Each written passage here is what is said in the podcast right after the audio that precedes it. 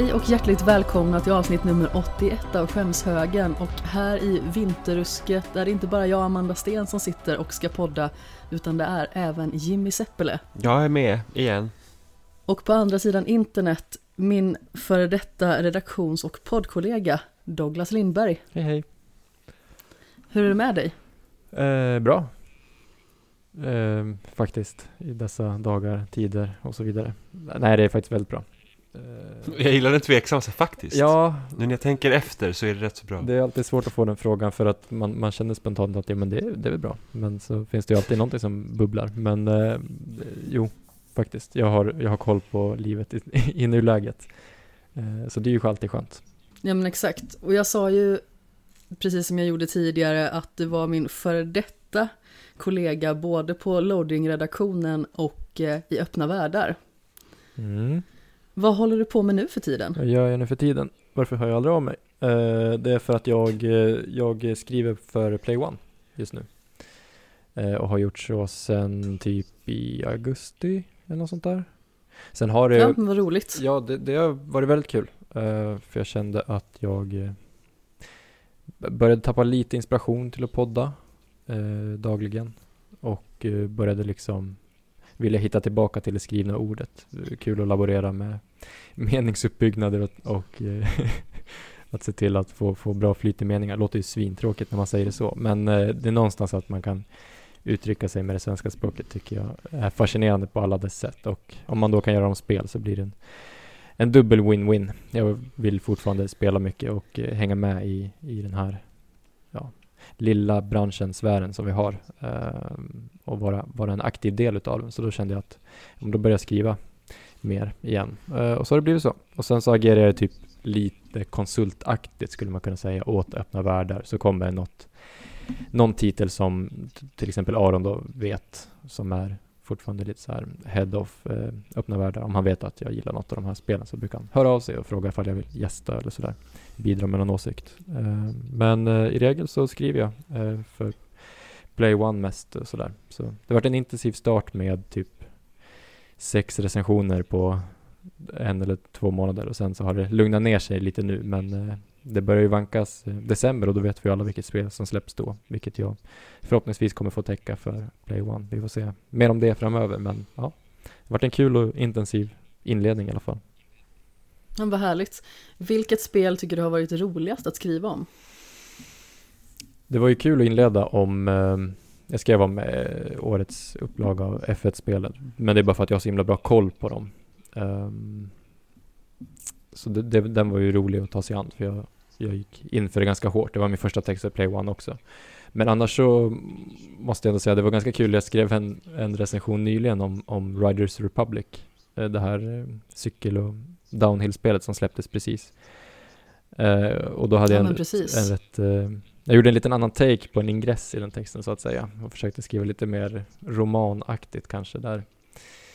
Jag satte in de båda figuranterna Steep och uh, The Crew 2 som ja, mänskliga ting som möttes i en bar och så vidare. Ja, det, det var lite kul att skriva. Man, jag kan tipsa om att leta upp den på Play One bara för att försöka förstå vad jag menar. Um, så det, det var lite kul faktiskt. Annars så tror jag att den, den text som skrev sig själv bäst under hösten, det var nog faktiskt Tales of Arise. Och jag vet inte riktigt varför, men den bara flöt på. Man fick det där klassiska flowet, ni vet, när man när allting bara, allting bara rinner som, som vatten. Annars, ibland får man ju verkligen kämpa för att hitta någon ingångsvinkel eller göra det på ett kul sätt, men an, andra gånger så, så kommer det till en på, på ett sätt som man inte riktigt förväntar sig och den känslan är alltid häftig att uppnå.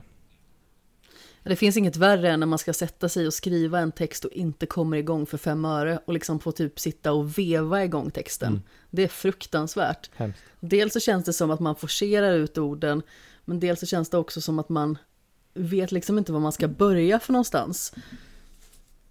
Nej, nej verkligen, jag håller med till, till 100 procent. Försökte, jag har försökt lite olika tekniker under hösten också för att hitta liksom mitt sätt nu när det var ett tag sedan man, man kom tillbaka. Att, eh, jag tror ändå det som har funkat bäst är absolut att anteckna till viss del, inte för mycket. Eh, Medan man spelar och sen försöka få ner dem några så här, tre typ snygga meningar och sen kan man bygga runt dem. Så har man sina liksom kärnpunkter i texten någonstans och sen så flyter det på därifrån. Men, men eh, ni skriver kvar på loading, eller hur? Hur, eh, hur har eran spelhöst varit? Ja men det stämmer. Båda två skriver kvar för loading och Jim är väl den som har varit mest aktiv egentligen. Ja, jag hade, jag hade en vecka där i september. Det var alltså tre recensioner på rad. Kom ut, eller om det var början av oktober. Det var så här Deathloop, Super Monkey Ball och ett till jag inte kommer ihåg. Jo, Kina, A Bridge of Spirit. Eh, och sen recenserade, jag tror senast jag recenserade Back for Blood faktiskt. Ja just det, det som vi spelade tillsammans. Ja, sen har jag nog inte haft någonting sen dess. Men det, men det, har, varit, det har varit lite att skriva. Jag har haft ganska så stor torka ett tag faktiskt. Så det var nu bara i veckan som jag spelade den här expansionen till Animal Crossing. Som jag fick eh, testa på att designa lite hus på semesteröar. Men i övrigt så har det varit ganska så lugnt på min front. Men jag tycker ju att det är jätteroligt att skriva och precis som du satte fingret på innan Douglas, att det är någonting med att verkligen få vara eftertänksam, sitta och konstruera en text och försöka att bygga upp den så finurligt som möjligt. För när man sitter och pratar så här som vi gör nu, då är det väldigt lätt att bara blaja på eller att man kastar ur sig någonting. Och visst, vissa saker kan vara mer eftertänksamma i och med att vi vet ju naturligtvis vad vi ska prata om. Men det är en sak att verkligen sitta på sin kammare och skrapa sig själv i huvudet och verkligen staka ut vägen genom hela texten. Ja, och just det här i din podd så du kan ju alltid ha ett manus att förhålla dig mot och sådär. Men flödet blir ju alltid någonstans det som händer i nuet. En text är ju ändå ett kontrollerat flöde någonstans. Där du kan få en vecka eller två i bästa fall på dig att skriva en text. Eh, och då kunna bygga upp något liksom från grunden och, och därefter göra det fint med att måla väggarna. Mm, så ja, men jag hoppas att eh, det är fortfarande lite kämpigt när man skriver för en lite mindre outlet som vi båda gör. Att det är ganska vanligt att vi får inspel ganska sent. Och då känner man ändå lite grann den här pressen av att på tre, fyra dagar få ner liksom det viktigaste och därefter leverera någonting. Det är ju så himla underbart när man kan få till att man får in ett spel tidigt och bara kan liksom sjunka in i det en vecka innan man ens skriver något. Uh, för att man vet att ja, men det är en och en halv, två veckor kvar till embargo. Den lyxen är ju någonting som jag ändå någon gång hoppas få kunna uppnå i sin, det är väl någon form av karriär, men ja, ändå få den känslan av att verkligen hitta lugnet och kunna verkligen göra som man vill. Ja men exakt, och jag tror att jag hade väldigt tur nu precis i slutet av sommaren när jag fick recensera Life is Strange True Colors. För att det fick jag ju en bra stund innan det faktiskt skulle släppas. Så jag fick ju liksom inga andra intryck från någon annan och fick verkligen ha väldigt mycket egen tid med spelet innan jag gav mig in i att börja texta, innan folks intryck började flöda liksom runt om på sociala medier eller på andra ställen som man kanske håller lite mer koll på. Mm. Så det var ju väldigt skönt. Jag tror att det uppdraget som har varit mest påtagligt på den fronten är nog Horizon Zero Dawn när jag fick recensera det för loading. Som mitt första uppdrag dessutom där. Då hade jag ju flera veckor på mig innan spelet skulle släppas. Och det var ju fantastiskt att känna liksom att man har all tid i världen, man kan slappna av och man känner nästan som att man har en liten hemlighet. Mm. Man vet vad spelet handlar om, man har kunnat fördjupa sig i det och bara förälska sig i det utan att någon annan står på utsidan och petar på en. Verkligen så, verkligen så. Det, det, det är en kul och det kan också vara en vansklig känsla och ibland någonting jobbigt, framförallt när man fastnar i något eller har en, en känsla av att det här var inte så himla bra, eller är det bra? Och så ska man få ner sina egna tankar och så är man man är ju alltid lite rädd att sticka ut ifrån mängden på det sättet, samtidigt som det gäller att vara ärlig mot sig själv, men ja, just den känslan av att sväva i ovisshet, den är, den är både underbar och eh, skrämmande på samma gång. Ja men precis, och sen kan det ju vara så också, säg att man har ett spel som får jättehöga betyg överallt och sedan så känner man själv inte samma sak. Då är det ju en jätteknivig situation. Man ska ju alltid liksom fara med sanning i det man skriver. Men samtidigt så är man ju orolig liksom att det är man själv som har missat någonting när alla andra tycker att det är så fantastiskt. Mm. Jag kommer ihåg min ökända poddrecension av Days Gone. Det var ett av de första Sony-spelen som vi fick. Och det fick jag ju flera veckor innan och jag följer inte alls för det. Jag tycker att Jag tror jag pratade om det, jag pratade om spelsnack också när jag gästade där, att det liksom ja, Jag tycker bara karaktärerna är så himla platta och världen var oinbjudande och uppdragssystemet var rörigt och frameraten var katastrof och jag vet inte, jag tyckte det inte var så snyggt och det var, ja.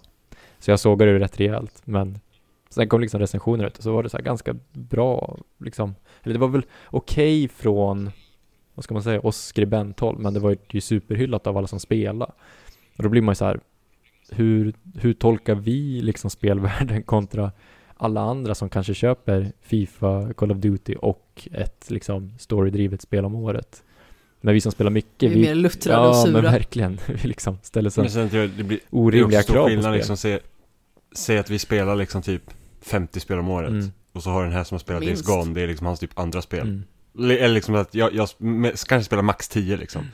Så att ju fler open world-spel man spelar, ju mer kommer bara säga uh, allt ser likadant ut. Mm.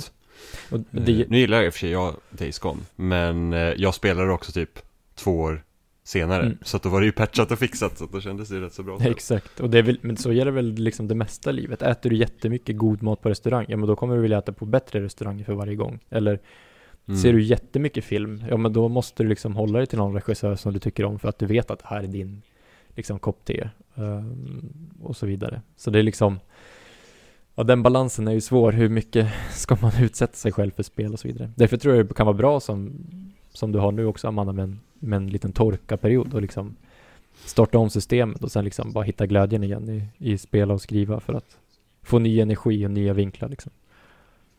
Men framförallt om man har haft en period där man recenserar spel som kanske bara är okej. Mm. För att då känns det som att man liksom inte får samma kick av det. Spelar man någonting som man verkligen tycker är kanon, då får man ju liksom en topp. Mm. Och känner att det är både roligt att skriva och det är roligt att spela. Men svävar man någonstans i mellanlandet, då känns det liksom som att man är i någon form av gråzon. Texterna blir inte lika intressanta och upplevelserna blir inte heller lika intressanta. Så det är liksom lurigt där ifall man hamnar i det läget. Då behöver man ju antingen verkligen hitta någonting som är otroligt roligt. Och det är ju inte en självklarhet. Mm. Eller så behöver man ju ta ett steg tillbaka. Du är ju här idag för att vi ska prata om eh, lite allt möjligt, men framförallt så frågade jag ju dig om du hade sett Squid Game. Och när jag och Jimmy såg den här tillsammans så kom följande fråga till mig.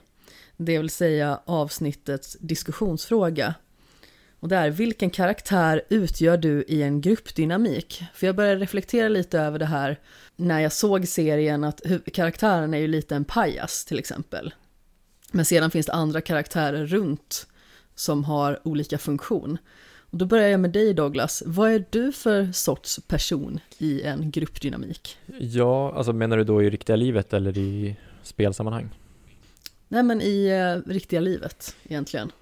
I riktiga livet? Jag skulle nog säga att jag, eh, alltså, jag är ganska introvert som person. Um, det tar relativt lång tid för mig att lära känna någon och sådär.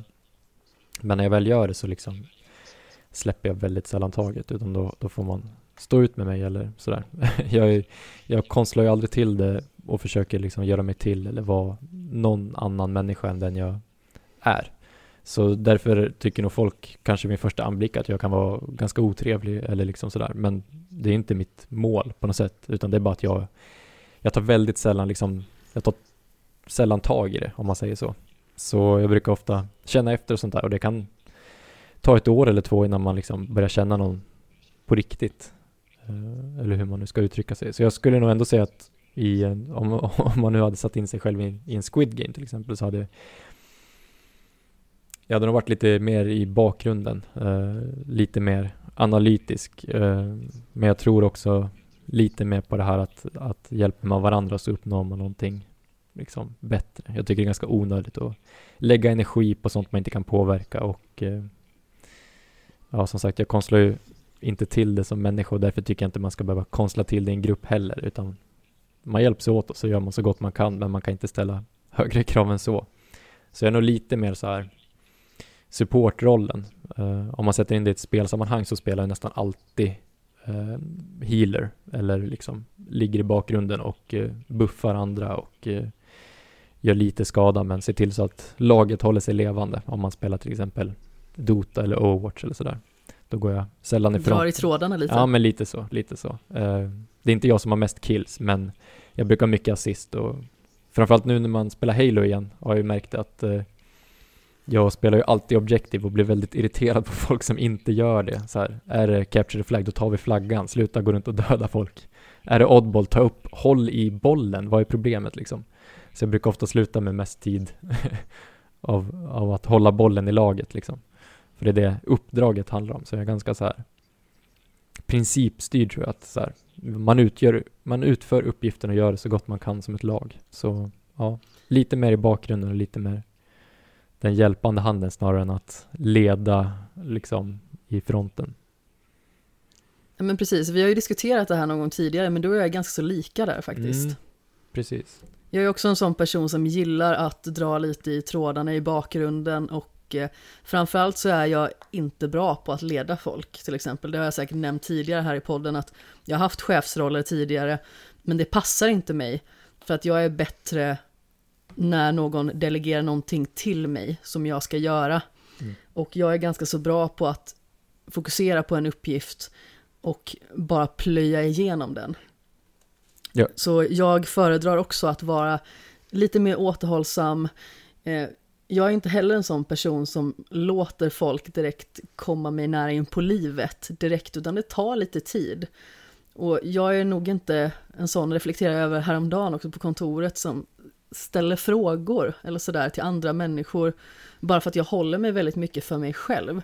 Och det gav mig lite dåligt samvete för att min nya kollega, för jag sitter ihop med en tjej på HR och jag själv jobbar på ekonomiavdelningen, men det liksom blir som en överlappning. Och hon sa att ah, men man lär sig något nytt om dig varje dag. och jag kände bara så här att, men jag vet inte så mycket om dig.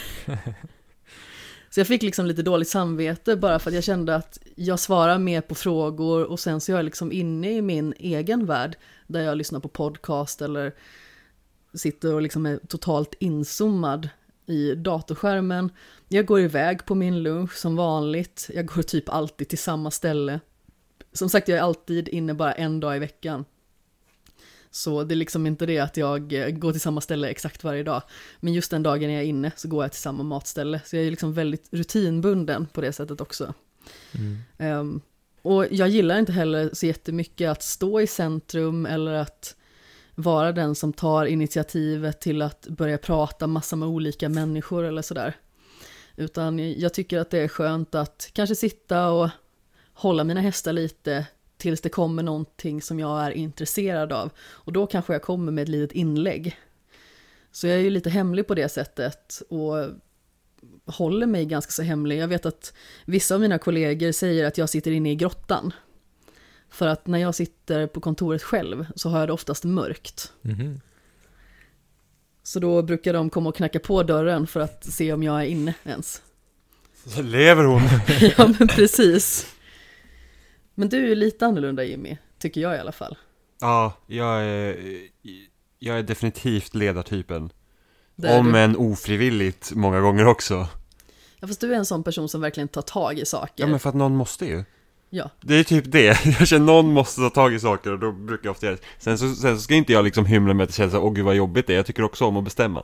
Eh, och ja, det, det du. Och det blir som jag vill.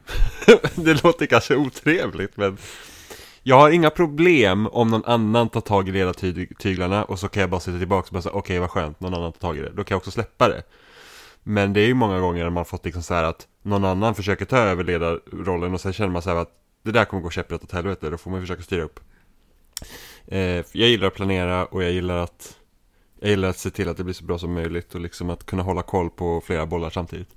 Ja men precis. Liksom men du har också lite av våra drag, alltså du är lite mer återhållsam och du håller det ganska mycket för dig själv. Ja, ja. Jag är inte sån som bara säger att hej, titta på mig, utan det är liksom så här att nu gör vi så här, punkt. Och sen så går jag vidare. typ. Ja men precis. Sen så har du ju vissa andra roliga saker, som att du är väldigt dramatisk. Nej, jag är inte alls dramatisk. Vad är detta för påhopp? Sade han oerhört dramatiskt. Med handen mot pannan. Exakt. Nej, men så, Ah!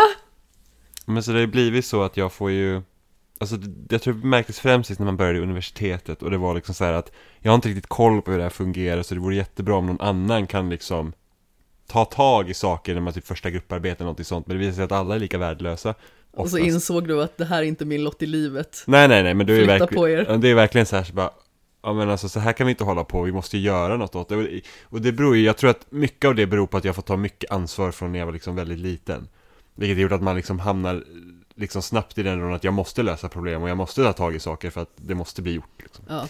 Jag har ju varit väldigt mycket ensamvarg när jag var liten. Mm. Så det är väl förmodligen där det kommer ifrån lite grann också att man håller mest koll på sig själv. Och sen när det gäller att interagera med andra människor så kan det ju, precis som du sa Douglas, Mm. det kan bli lite fel, man kan uppfattas som Mm. lite otrevlig, även att inte det är meningen, utan att man liksom bara är mer återhållsam. Ja, men det är nog också att man är liksom Man är ganska rak tror jag när man är som oss Jag Ja. tycker ofta det blir liksom när man diskuterar något att här diskussions, liksom Det kan bli som en cirkel, det går bara runt, runt och så liksom ska man upprepa alltså, Möten är ju den mest värdelösa saken som finns För jag tycker att man kan ju bara komma fram till något och så gör man det och sen så är det klart men det är så många gånger man ska liksom säga, ah, men hur känner du kring det här? Vad, vad, känner, vad ska vi göra här? Så här? Ja, det blir väl bra. Vi gör den här uppgiften och sen så är vi klara med det. Och sen håller man med varandra så ska man säga hur många gånger man håller med varandra om samma sak. Jag tycker bara så här onödig tid liksom.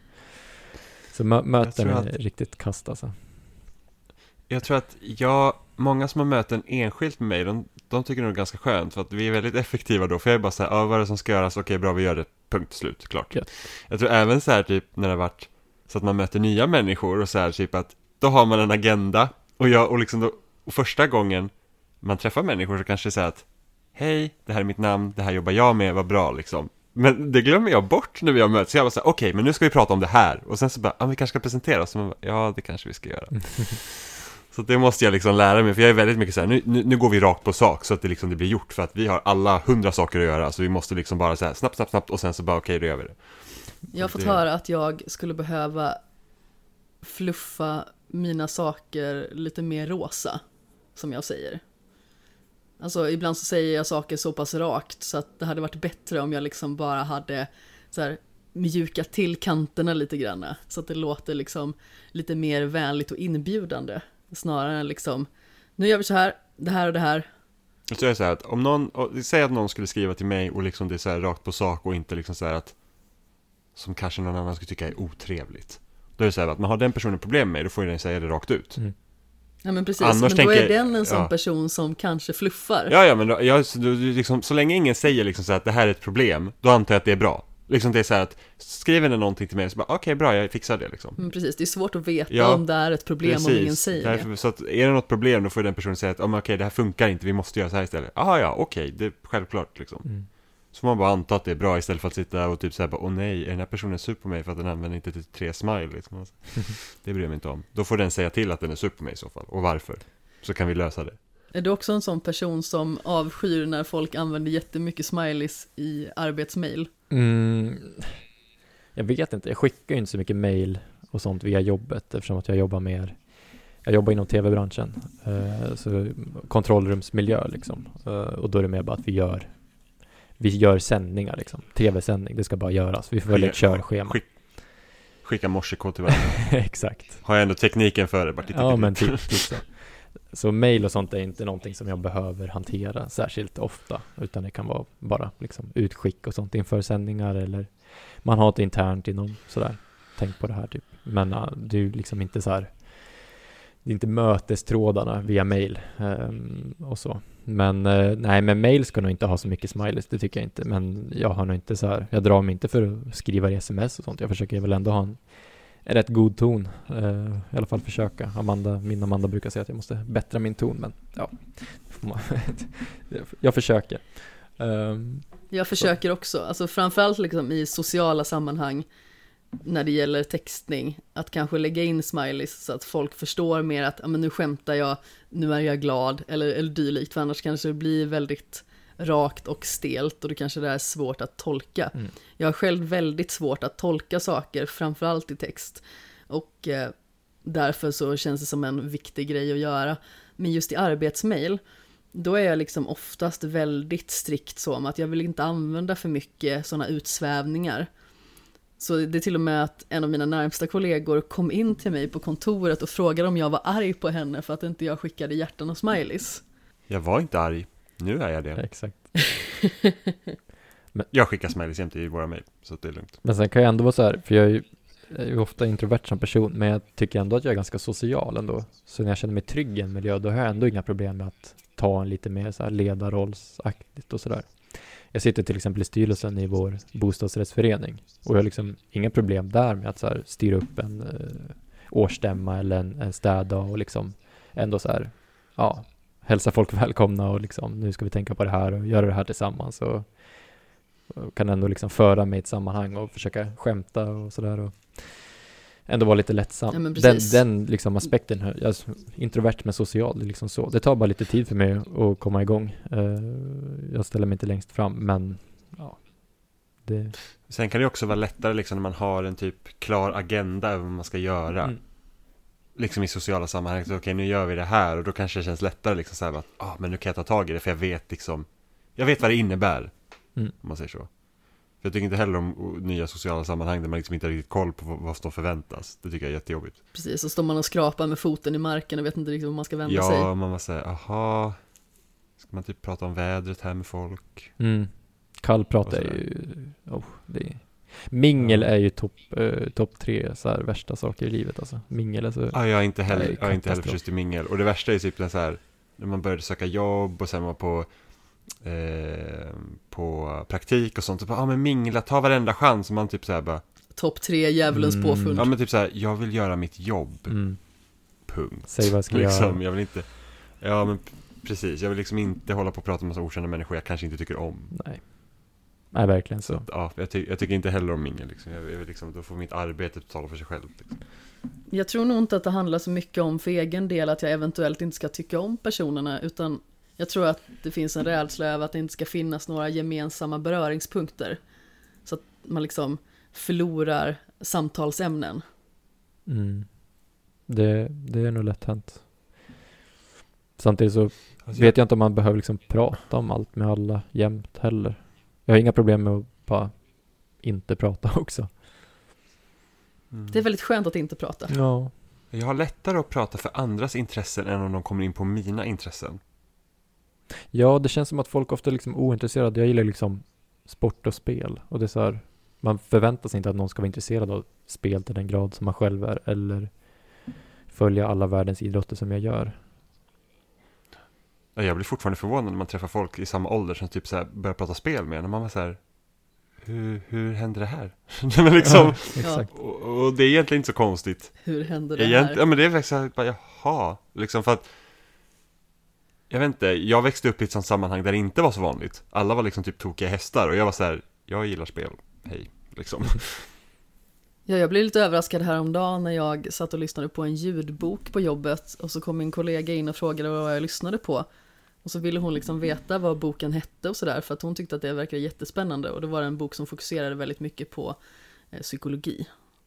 Så det var roligt liksom att det fanns en beröringspunkt. Det behöver liksom inte vara alla beröringspunkter, men bara man har någonting att knyta an till varandra med Mm.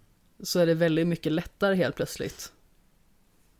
Ja, då kan man liksom börja där och sen behöver man inte känna stressen över att så här, man måste lära känna en människa och bli bästa kompisar på en månad, utan då börjar man väl det och så snurrar man kring det ett tag och sen inser man liksom sakta men säkert att det finns det här också att prata om eller den här personen var intressant på det här sättet och då kan, kan det utvecklas över tid och det är nog det jag också menar med att det tar tid för mig att lära känna någon att ett år eller två senare när man har pratat med den personen på jobbet eller sådär så börjar man inse att man har mer och mer saker gemensamt. Det kanske har någon familjemedlem som har gått igenom samma svåra saker som man själv har gjort tidigare eller liksom, det kan ju, det kan ju ta oväntade liksom vändningar och sådär.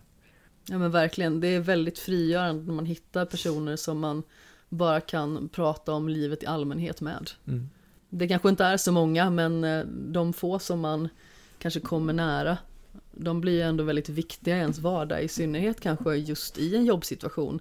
Där man kanske inte är ute efter att skapa vänner utan att först och främst försörja sig. Mm. Nej, verkligen.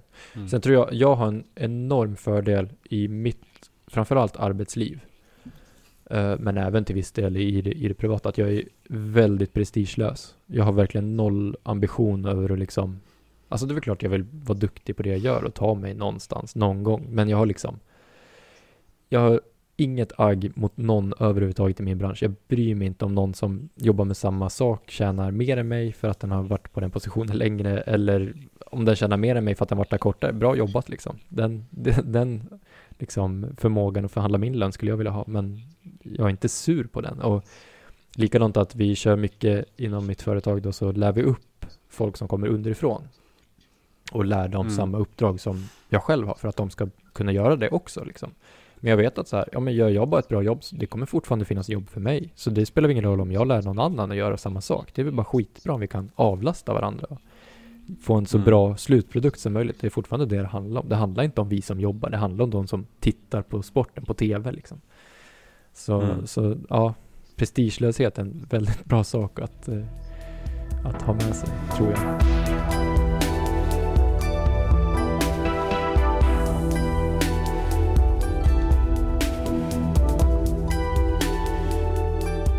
Vi ska ju inte bara prata om obekväma sociala situationer idag. Utan vi ska komma in lite granna på vad vi har haft i våran skämshög och vad vi har också tagit oss an. Och jag tänkte att vi skulle börja med att gå in på en gammal anrik spelserie, nämligen Halo. Jimmy är ju en gammal veteran inom den här spelseriens eh, Ja, dörrar. vi gjorde den här museumgrejen för Xbox 20 år igår.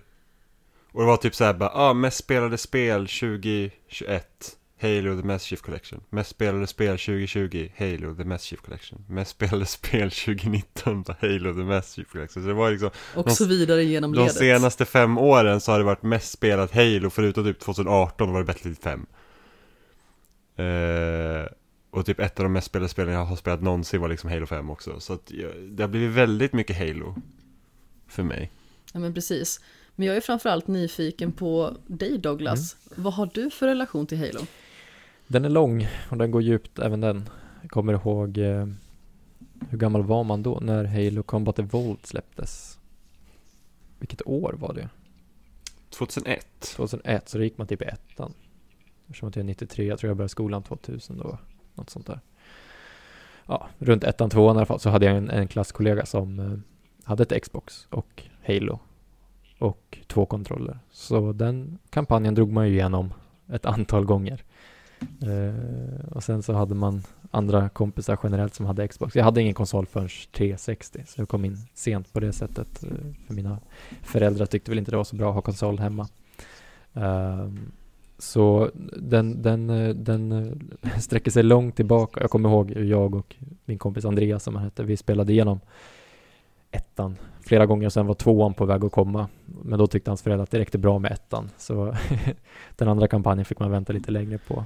Ehm, och sen kommer jag ihåg med Halo 3 så hade jag ju eh, 360, lånade Halo 3 av min kompis. Spelade igenom det och sen var man ju fattig på den tiden så man sålde ju spel till GameStop för att ha råd med andra. Men jag glömde bort att det var ju hans spel. så Anton om du hör det här, jag sålde ditt Halo 3 till GameStop för att få råd med annat. Jag ber om ursäkt och jag kommer köpa tillbaka det till dig ifall du vill ha det. Eh, och så. Och sen Halo 4. Hur länge sedan var det du lånade det här? Ja, det är ju, ja, jättelänge sedan. när det släpptes. Jag tror han spelade, Förhoppningsvis har han kommit över det i så jag fall. hoppas det också. Han har inte hört av sig om det i alla fall, så. Ja. Men att han aldrig ville ha tillbaka sitt Halo 3 Jag är fortfarande, jag är också paff. Jag är också paff. Faktiskt. Jäklar. Och sen Halo var 4, rätt så roligt. Halo 4 spelar jättemycket multiplayer kommer jag ihåg på. Jätte, jättemycket. Med kompisar. Mm. Jag tyckte den, det, Halo 4 är nog trots, alltså det är nu i efterhand när man börjar spela igenom någon som inser storyns storhet och det är också nu man börjar förstå att så Halo 4 kanske var en liten så här, ah, det vart lite mer blaha liksom. Och Halo 5 ska vi inte prata om rörande kampanj. Men Halo 4s multiplayer, kommer jag ihåg, den var ju riktigt kul alltså. Många, många Du scener. gillar, inte, du gillar inte kampanjen i Halo 4? Ja men inte, inte i samma nivå som de andra. Ah, Okej, ja. Ja, jag, jag, är inte alls förtjust i multiplayer i Halo 4, men jag gillade kampanjen. Ja, okej. I alla fall liksom så här typ att de gick in mer på så här Master Chief och Cortana. Mm. Sen hela den här grejen med Forerunners och, och The Mantle och allt sånt där jävla bullshit som de typ plockar lite från böckerna och sånt som man inte alls har koll på. Man får sitta på Halopedia för Mm. att ens liksom veta vad allt som händer. Det, det har jag inte mycket för. Men just det här liksom att Master Chief kändes typ första gången som en människa Mm. faktiskt. Mm. Ja men Det, det gillar Nej, jag men det, Halo 4. det, det ligger nog något i det. Och det är också det som sagt Mm. jag insett också med när man spelar om, jag spelade om Halo 1 nu nyligen, det är väl det vi kommer komma in på lite snart.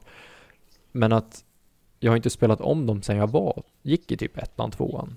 Och då fattade man ju inte riktigt grejen av liksom relationen till Cortana och allt det där som alla har pratat om genom all, alla, alla år. Utan det var ju bara häftigt att skjuta på saker typ tillsammans. Mm. Um, så det är nu man börjar liksom verkligen förstå så här, shit, vilken, vilken story. Och, och jag hörde en story-resumé um, om, om Halo 2 nyligen och bara kände så här, vad är det här för jäkla rymd liksom opera någon har skrivit? Det är ju så sinnessjukt mycket olika parametrar och det är verkligen så här häftigt och Master Chief är så mycket mer än bara det här gröna skalet utan det finns ett otroligt rikt universum där under och det som är fascinerande. Så. Mm. Men ja, nej men Halo 4 var som sagt multiplayer var svinkul och jag kommer ihåg vi hade LAN uppe i Östersund så här, folk man träffat över liksom Xbox live så jag kände mig jätteträffad av den här reklamfilmen som de körde på den här Halo, eller på Xbox showcasen.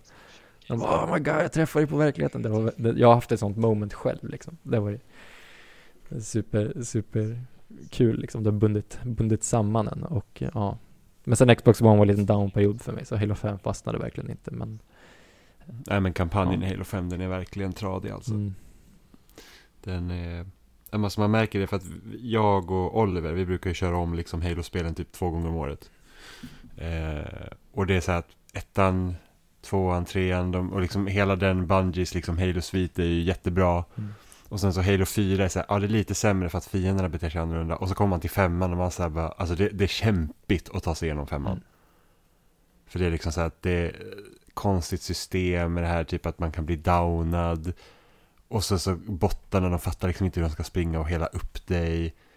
Och storyn känns som bara jättekonstig. Alltså sen, och jag är så här, slutet i femman är verkligen så här att, alltså den riktningen är liksom inte ens kul. Det är liksom bara så här att, nej.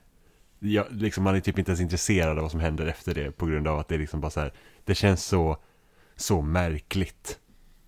Kan du påminna mig hur det slutar? För jag har typ förträngt det. Men det är så att Cortana Cortana är ju liksom Hon i princip tar ju över Och vänder sig mot människorna Och sen slutar det liksom Hon bara.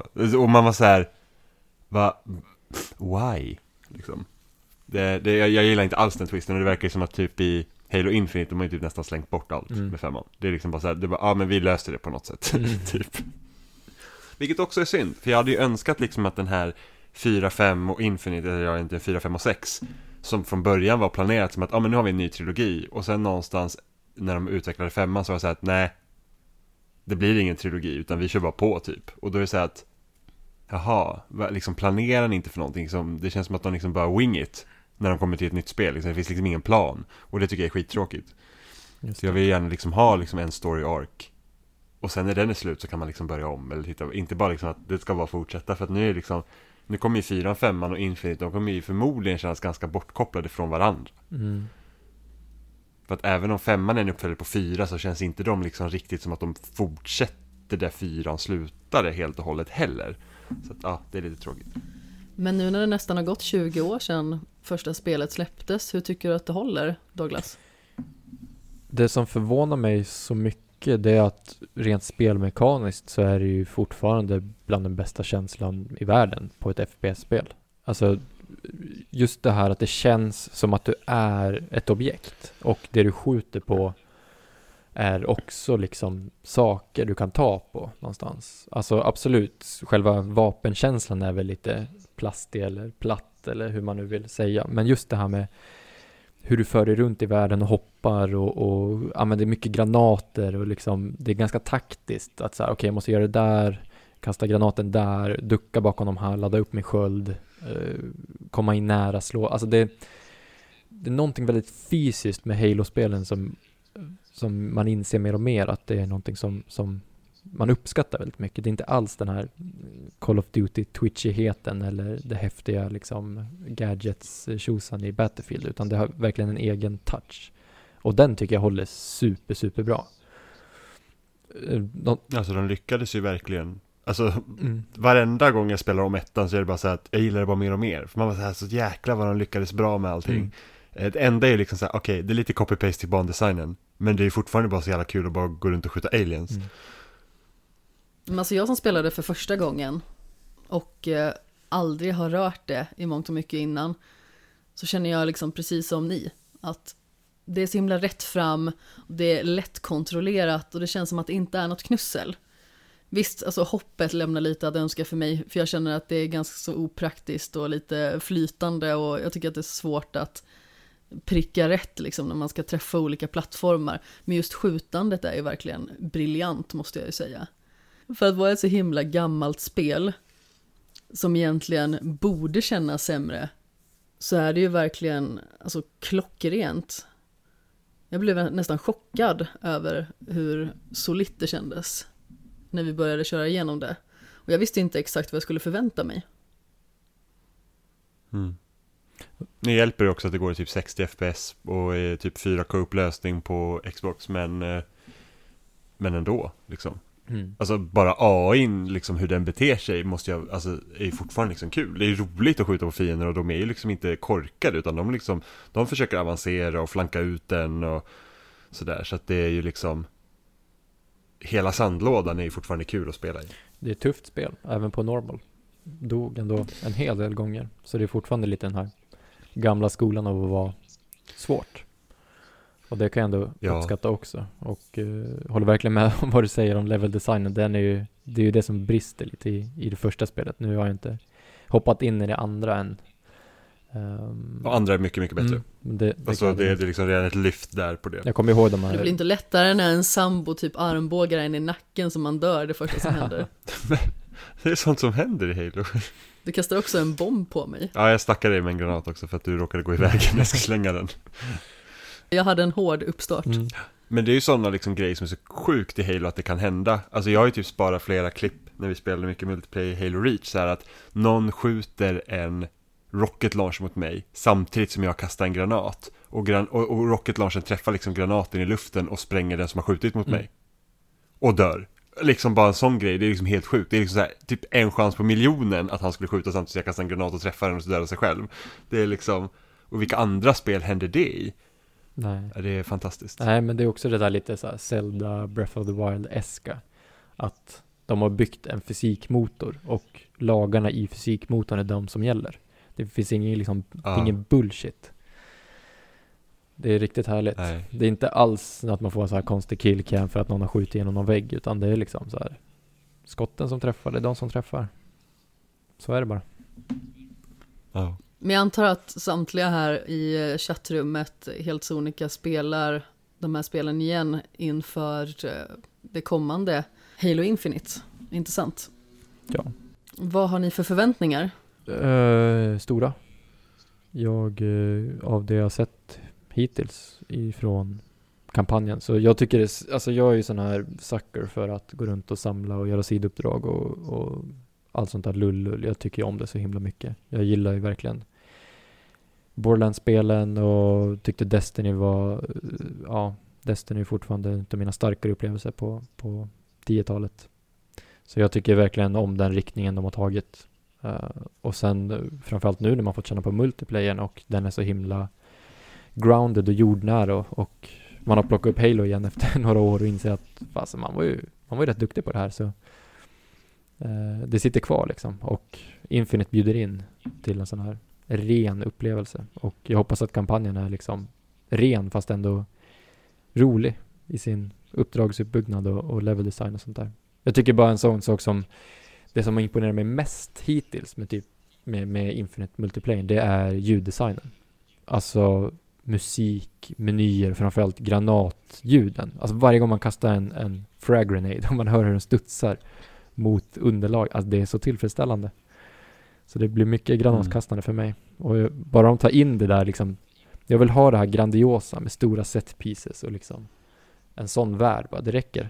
Det räcker med den, den liksom miljön. Då kommer jag nog vara ganska nöjd med kampanjen. Sen vet man att det är Halo så det är väl en del en del story, en del bullshit men också mycket härligheter. Mm. Ja men det är typ musiken i Halo Infinite liksom som har varit nu i vad, betan som de kallar det. Eh, alltså det är verkligen, det känns bra att de liksom har hittat någon form av riktning igen. För att liksom Halo 5 kom vara det här svarta fåret de tappade fotfästet i efter Halo 4. För att Halo 4 hade jättebra musik och det kändes liksom säreget precis som alla Bungies Halo har ju liksom en säregen ton till sig. Mm. Eh, och så kom Halo 4 och de hittade liksom sin egen ton där och sen så fick de jättemycket kritik för multiplayern och liksom de ändrade lite saker och folk liksom blev upprörda så det liksom kändes som att oj, de blev så osäkra. Alltså Halo 5, om man tittar liksom musikmässigt i Halo 5 till exempel så är det så här, det är väldigt safe.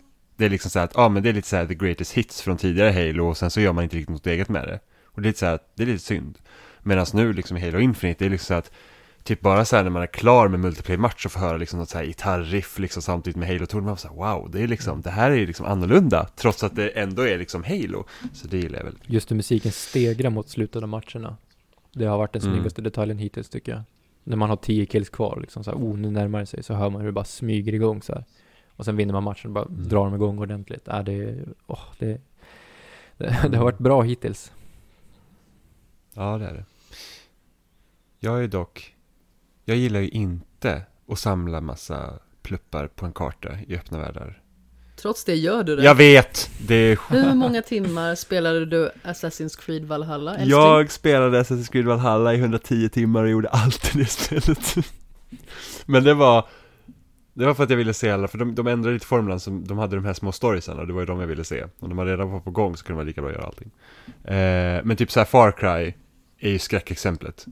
Det är verkligen så här typ att, ah, här har du så här enemy outposts 20 stycken du ska ta ut. Och det är så här bara, nej. Absolut inte. Och sen har inte jag någonting emot liksom att det finns outpost i spelet, men liksom, jag vill inte att det ska vara någon checklista, att det här är ett fiendeläge du ska ta över. Och det här territoriet ska du ta över, det tycker jag är skittråkigt. Men, det jag har hört från Halo-kampanjen är ju det att de här sakerna finns ju där, precis som de fanns typ i Zelda. Men de gör ingen stor grej av det. Och då är det okej. Mm.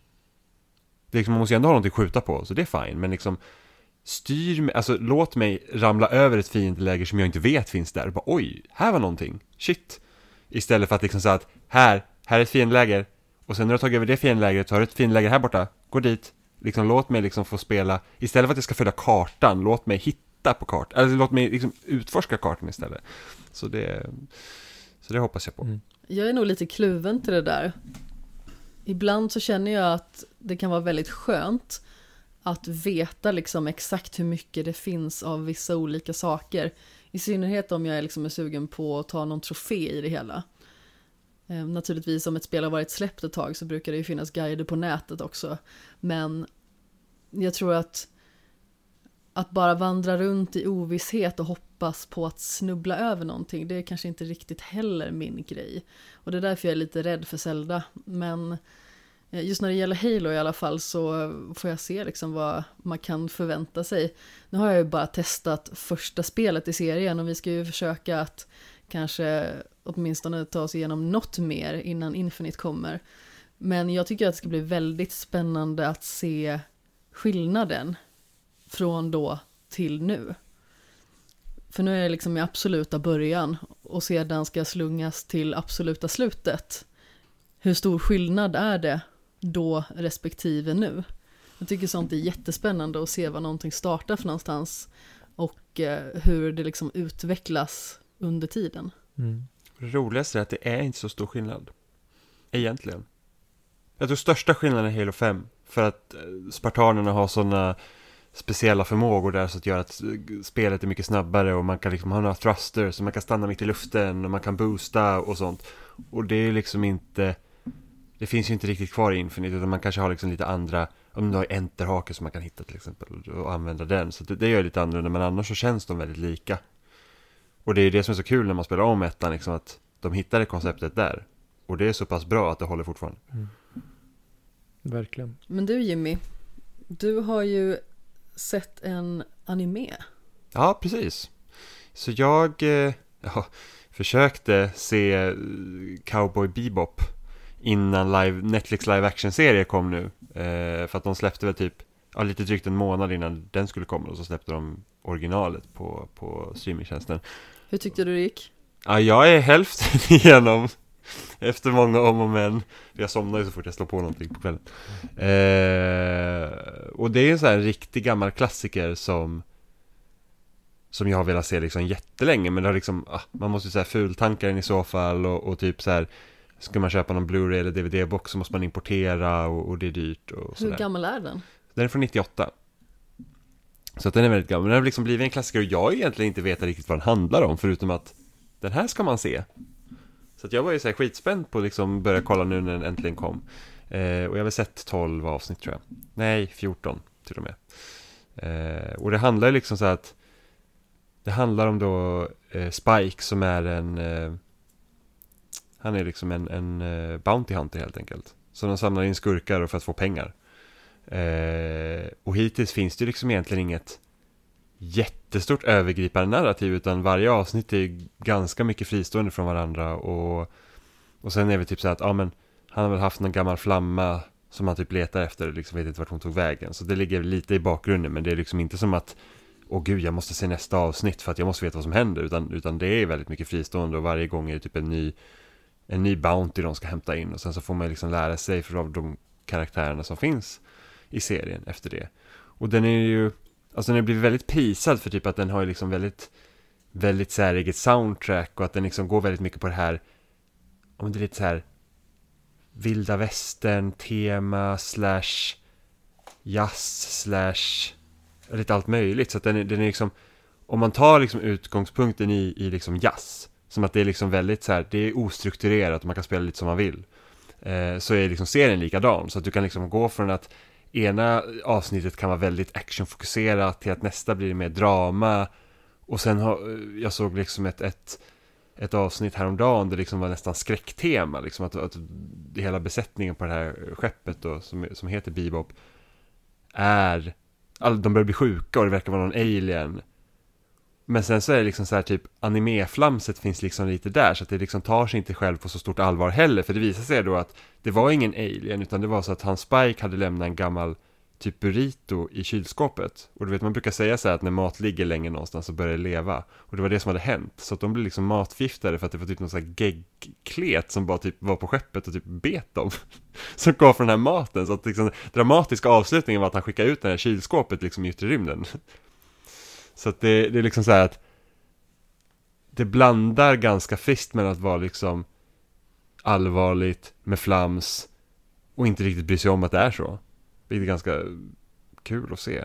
Men jag har liksom inte fastnat för det är inte som att man typ, typ Death Note eller så här Full Metal Alchemist att man säger bara Åh gud jag måste veta vad som händer utan det, det är ganska nice att titta på. Så... Kan det vara för att du somnar i varje avsnitt? Jo men så är det, men det, det är även liksom när jag varit så här, typ att om man går på bandet eller typ när jag åkt tåg, kollar på det så är det inte så här att åh, nu är avsnittet slut, gud vad det ska bli kul att titta på nästa, utan det är liksom bara På tåget som du också sov? Ja, men senast, men jag har faktiskt åkt två fler gånger. En gång till Ja, precis, då hinner man se två avsnitt, nästan.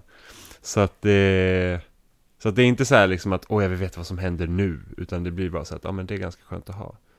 Sen har jag ju hört, alltså live action-serien har fått lite kritik för att den är så här att oh, den är alldeles för trogen originalet eller det, det de lägger till, det lägger inte till något av substans eller liksom så att om man säger Twitter, folk vill göra sig liksom lustiga över saker och sen så kan de liksom inte riktigt backa upp varför de gör det. Så man vill säga, ja jag har inte sett den än så jag vet liksom inte vad jag ska, vad, vad jag liksom ska säga. Men... Eh, Hur tror du det kommer funka rent skådespelsmässigt? Ja, jag tror inte att casting är något problem överhuvudtaget. Eh, det tror jag faktiskt de har lyckats med rätt så bra. Sen är det frågan hur det här liksom så här, anime kan ju vara väldigt överdrivet. Och hur översätter de det liksom till en live action sekvens? För att det kan ju liksom gå lite hur som helst. För att liksom det som funkar som tecknat kanske inte funkar annars. Man liksom blir så här, ha. Så jag såg i någon typ scen de hade tagit nästan, alltså det var typ en rak kopia från det som hände i i, eh, i originalet. Och då blir man så här att ja visst, det ser väl coolt ut så här den är snutten, men hur funkar det sen när man liksom tittar på hela avsnitt? Det får man ju se. Men anime kan ju vara väldigt urspårat och liksom väldigt visuellt dramatiskt. Ja, Eller vad man ska säga. Och det kan ju bli väldigt svårt att porträttera det som verkliga skådespelare. ja men precis, så att, så att man får ju se hur de gör det. Sen, sen så ska ju typ, Netflix ska vi göra en live action version av One Piece också. Eller om det är, jag vet inte om det är Netflix. Nå, någon ska få göra en live action version av One Piece och det är så här, hur fan ska det funka? För att det är liksom, det, det, det kan ju bli helt galet. Liksom ska man se då huvudkaraktären där, när han liksom är så här gummimänniska och typ, ja, det, det kan ju, jag vet, jag vet inte hur det ska gå. Men sen så jag föredrar ju hellre, jag föredrar att läsa manga än att titta på anime också. Så att, ja. Så vad har inte du för favoritmanga? Alltså min favorit är fortfarande Dragon Ball. Utan tvekan. Det är liksom så här första manga jag läste. Det Och- förlorade barnet. Ja, alla mina böcker är borta. Det, det, det är typ, det är jättestor sorg att de, alltså jag hade ju liksom alla 42 volymer svenska översatta och den svenska översättningen var ju jätte, jättebra verkligen. Alltså de gjorde ju så, så superduper jobb med det. Eh, så att det är jättesynd att jag inte har kvar de böckerna. Jag är inte så extremt fäst vid manga eller anime. Däremot så har jag väldigt fina minnen av när jag i tidiga tonåren gick till biblioteket i Alingsås och lånade manga. Mm. Ja, var där det började. Nej, men precis. Sen så fanns det en liten affär som också hade manga att sälja. Så vissa som jag liksom tyckte om, de spanade in och hade tänkt att köpa. Sen så kom jag av mig lite med det och jag kommer liksom inte ihåg riktigt varför. Men jag kommer ihåg att jag lånade en hel del. Det är så dyrt, alltså en bok kostar typ 60 spänn och sen blir det bara dyrare och dyrare liksom. Och det är ju Eh, bara en liten kamelfisbok verkligen. Ja, det är typ 200 sidor. Så det går ju typ 20 minuter att läsa ut en sån på. Eh, men sen Och när man är läst, typ så här 12-13 år så är 60 kronor ganska så mycket. ja, så jag har ju läst mycket manga också på min iPad. Eh, och, och där liksom, och jag har haft liksom appar och sånt som man kan djupdyka mer i liksom andra typer av serier. För att om man läser typ One Piece och Dragon Ball och Bleach och alla de serierna liksom som är mer shonen-inriktade, det är väldigt mycket action, vilket gör att jag tycker i alla fall att det kan vara lite jobbigt för att det liksom blir bara strid på strid på strid på strid. Och man säger, det är inte rimligt att den här människan som typ helt plötsligt var typ sönderslagen så att han höll typ på att dö och sen 20 sidor efter att den striden är slut så är han liksom inne i nästa stora liksom strid. One Piece är ju verkligen så tycker jag. Där är det verkligen blivit så att man går från stor strid till stor strid och det liksom tar, alltså jag tror det arken de har varit på nu har liksom hållit på i typ två och ett halvt år. Det orkar man inte följa ordentligt liksom så att jag, jag har ju paus och sen läser man kanske 20 kapitel i ett svep. Man har fortfarande inte rört sig så mycket och så väntar man kanske ett halvår till när man läser liksom nästa kapitel. Eh, så, så det är lite jobbigt. Men sen typ har jag läst andra böcker som så här Vinland Saga som är så här en vikingaberättelse som var jätte, jättebra. Eh, och sen typ läste jag ju läste Monster och 20th Century Boys som liksom är mer dramainriktade som varit super, super bra. Så att det, det finns ju liksom en stor bredd av det, bara man liksom kan gå lite djupare än det som är kommersiellt mest populärt. Om man säger så. För den eventuellt oinvigda, vad innebär shonen? Alltså shonen är ju liksom, vad ska man säga, man kallar det egentligen pojkmanga. Det är liksom, det, det är serier som är skrivna för typ, alltså personer som är i, den, så här, i tonåren helt enkelt. Liksom. Det är actionfokuserad manga. Det är liksom så här att, ja ah, men här har du din huvudkaraktär som har en power level på si och så och sen slåss man mot stora monster typ, eller stora fiender, något sånt. Det är liksom mer shonen. Och sen har du ju liksom, finns ju också så här shoujo manga som är liksom motsvarigheten till Alltså då vad, kvinnor då ska gilla, liksom unga tonårstjejer. Liksom Mangaformen och kioskromaner. Ja men lite så, det är liksom, det är lite mer, det kan vara lite mer humor, lite mer drama, ofta är det så kvinn, kvinnor huvudrollen och så, och där finns också jättemycket bra. Så jag vet ju typ, alltså den första mangatidningen i Sverige som kom, den blandade ju väldigt friskt mellan liksom så här, typ att den hade någon shonen manga, någon shoujo manga och liksom mer drama och så, så där hittade jag jättemånga favoriter, sånt där. Love Hina var jätterolig att läsa, kommer jag ihåg. Eh, Power som handlar om då en, en, en ung kvinna då som hennes pappa ville liksom att hon skulle bli ett basketproffs. Men det var den här skolan som man skulle gå på, där fick ju bara pojkar gå.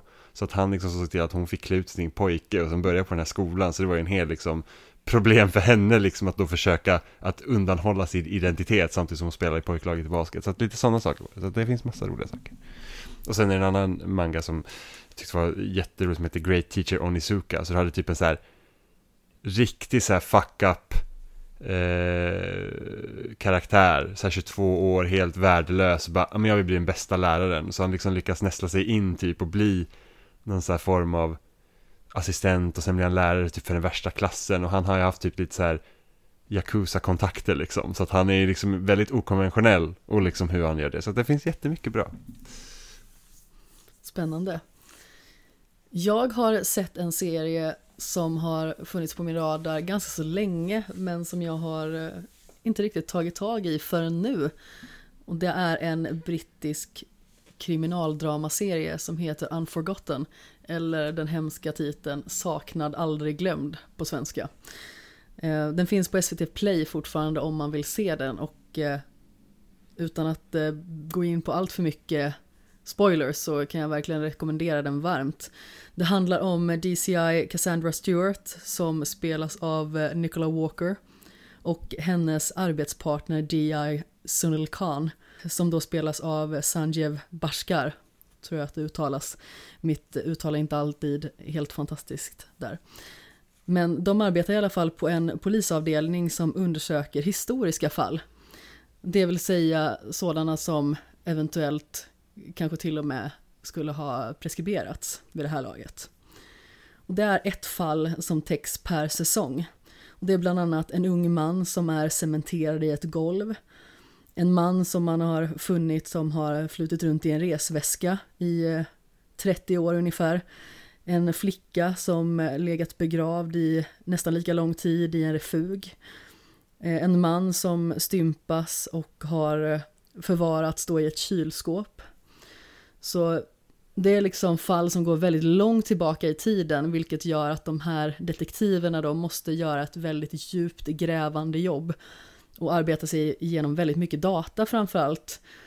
Eh, inte bara det att man stöter på problem med att det kanske är svårt att identifiera personerna, man måste jobba med väldigt många andra saker, kanske eventuella ting som man kan då knyta till det här liket då som man har funnit. Och sedan måste man börja nysta i vad som hände i anknytning till deras försvinnande och då de personer som kanske är lite mer åt det misstänkta hållet. Varje säsong byggs upp på ett väldigt intressant vis för att man får följa ett gäng olika karaktärer förutom de här två huvudkaraktärerna. Så de har liksom någon koppling till fallet och man vet liksom inte riktigt vad den kopplingen är eh, förrän en bit in. Och jag tyckte i första säsongen så att det var lite knöligt att komma in i. Men det var bara för att jag inte förstod vad grejen var. Så när de började följa olika karaktärer så blev jag väldigt förvirrad initialt. Men sen när jag liksom förstod att de hade alla en koppling till den här personen som har varit saknad då börjar liksom bitarna falla på plats och då uppskattar jag det upplägget väldigt mycket. I och med att det är en brittisk serie också så känns den i vanlig ordning väldigt jordnära. Eh, du och jag har ju pratat om det Jimmy, att det finns ju en speciell känsla i brittiska serier snarare än i amerikanska. Ja, det känns alltid som att det är liksom lite mer verkliga personer i sådana serier än att det är liksom, det är inte så, vad ska man säga, glamoröst eller liksom det känns som att de är inte rädda för att liksom få smuts under naglarna utan det är så här verkligheten ser ut. Det är liksom inte den uppiffade verkligheten som känns som en fasad utan det är verkligen så att det känns som vanliga personer. Men precis. Ofta när man ser amerikanska serier så kan man få uppfattningen om att det är fotomodeller som ska spela verkliga människor. Och då kan det bli liksom svårt att ta till sig det för att det känns liksom väldigt påklistrat och lite falskt. Men brittiska serier tycker jag har en tendens att verkligen skapa väldigt verkliga karaktärer som har en tydlig anknytning till världen. Och framförallt liksom att det är lite skitigare, det är lite mörkare. Och de är liksom inte rädda för att ta i ganska så hemska teman som man liksom knappt kan tänka sig i verkliga livet. Alltså man vet ju att riktigt hemska saker händer. Man vill ju liksom inte tänka på dem för att då blir man sorgsen. Mm. Det är väldigt genuina problem som man stöter på i den här serien. Alltså både de här karaktärerna som man får följa lite som sidospår. Men också för huvudkaraktären. Och jag menar, alltså det finns ju till vardags väldigt mycket så kritik som polisen måste möta. Men om man tänker sig som så att vad gör det med en person emotionellt och psykiskt att jobba med liksom sån här svärta dagligen i 30 år? Det låter lite som så här Mayor of Easttown också. Men som sagt, man blir ju väldigt luttrad kan jag tänka mig Mm. och det är förmodligen väldigt svårt att inte ta till sig allt det här mörkret. Mm. Och jag tycker att eh, Nicola Walker som spelar den kvinnliga huvudrollen som fokuset mest är på gör en otrolig rollprestation. Hon har varit bra i liksom det mesta annat jag har sett henne i men hon är verkligen toppen här och hon känns otroligt jordnära, genuin och hon gör verkligen den här rollen till eh, någonting alldeles särskilt. Det känns som en person som man kan lita på som eh, verkligen gör allting för att se till att sanningen kommer fram. Men sen så är det ju naturligtvis också så att allting är ju inte svart och vitt. Och eh, våra huvudkaraktärer stöter liksom på ganska så besvärliga moraliska beslut. Som kanske liksom inte riktigt är korrekta, om vi säger så, i lagens namn. Så det kan ju liksom vara så att har det hänt en person någonting för väldigt länge sedan som har utlöst ett händelseförlopp har den här personen redan straffats tillräckligt mycket under hela sitt liv? Eller ska den bestraffas ännu mer? Det är liksom sådana saker som väcker en del tankebanor och jag tycker ändå att det är intressant att det liksom inte bara är det här, det här är en gärningsman, den ska in bakom lås och bom, utan det kommer liksom den moraliska kompassen också in. Från huvudkaraktären och hur hon ser på världen och hur hon ser på de personer som hon ställs inför och deras bakgrund, allt de har varit med om hela sina liv. Mm. Jag tror att den säsong jag uppskattade bäst, för det är ju fyra säsonger, eh, och det är säsong två. För där kände jag att serien började verkligen ta fart, man börjar få grepp om huvudkaraktärerna, vad de står för. Återigen, ett väldigt viktigt moraliskt val som egentligen formar henne och hennes framfart hädanefter. Sedan är tredje säsongen verkligen nattsvart och så fruktansvärd på så många plan. Eh, och sen fjärde säsongen avslutas väldigt oväntat dramatiskt och skört. Så om det eventuellt kommer ytterligare en säsong så är jag supernyfiken att se vart de tar det för någonstans. För att det slutar på ett sätt där det kan fortsätta precis hur som helst. Mm. Men jag ska inte sitta och rera så jättemycket mer om Unforgotten. Jag rekommenderar den varmt och som sagt, det är ofta den här typen av serier eller böcker eller dylikt som jag går igång på, som jag tycker är spännande. Som jag ofta liksom konsumerar. Så om man brukar tycka som jag eller intresseras av samma ämnen så se den för allt i världen.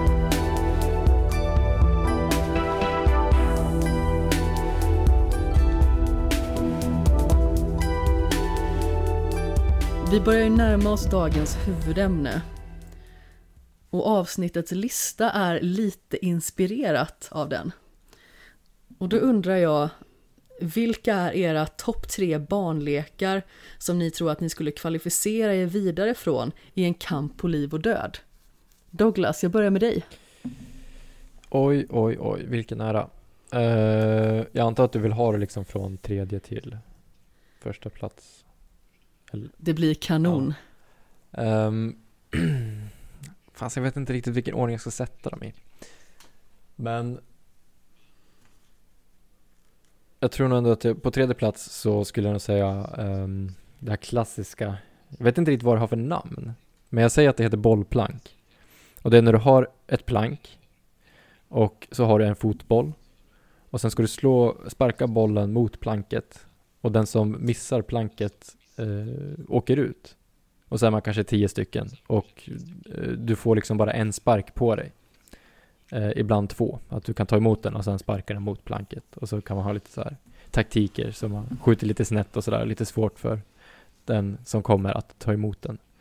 Eh, och, För visst är det så att den så ena den liksom, man sparkar mot planket och sen är det näst på tur, den måste liksom fånga bollen typ. Mm. Liksom springa efter bollen fort som fan och stoppa den och sen får man sparka Typ liksom. så. så. har man otur så får man ju springa långt som fan. Typ. ja men precis. Ja. Och jag tror att vi spelade också på vår inneplan på skolan och då var det som en, en skolan var ju bakom oss som vägg. Så tog den i väggen bakom oss då var man också ute. Så man kunde ju skjuta hårt som fan för att den skulle liksom studsa där bak i väggen.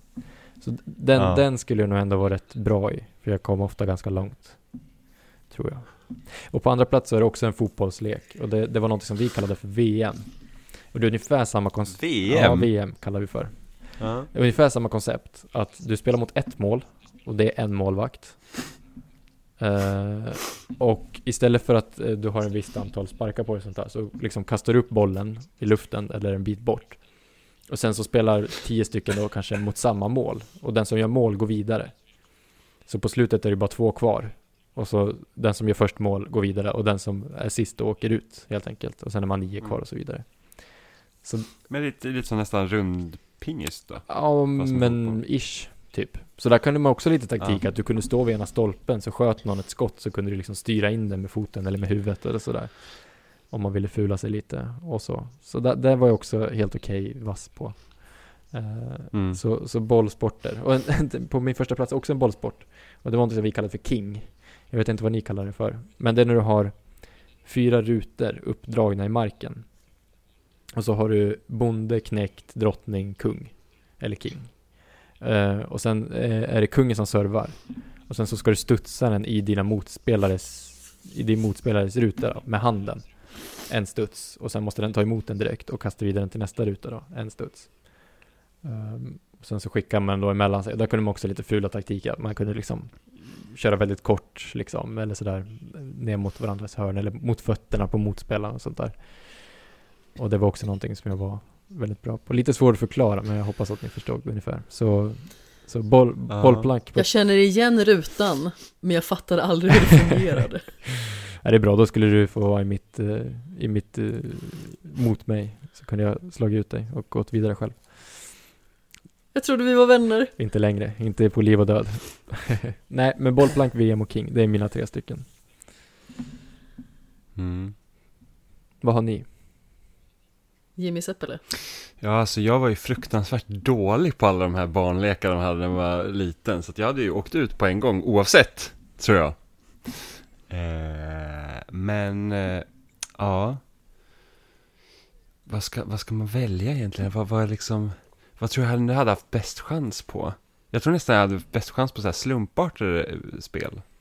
Så vi hade ett, ett, ett Det låter ju olycksbådande. Ja, jag vet, men som sagt, så fort det handlar om skillbaserade grejer så hade jag åkt ut. Jag, liksom, jag har dålig bollkontroll, jag... Eh, jag är lätt att peka ut och få ut, för att folk tycker det är roligt att ha ut mig. Så jag hade, liksom, För att du är så dramatisk. Nej, jag är inte alls dramatisk, jag förstår inte var det här kommer ifrån. När vi spelade Throw Throw Burrito med Emma och Robin, då sprang du in i Emma och Robins sovrum, drog upp benet som om du hade en kjol på dig och skrek ljudligt över hela lägenheten. Jag försökte göra mig så lite som möjligt, det är inte lätt, jag är liksom två meter lång. Det, det var sådär. Men i alla fall, eh, vi hade ett spel eh, som vi kallade fruktsallad.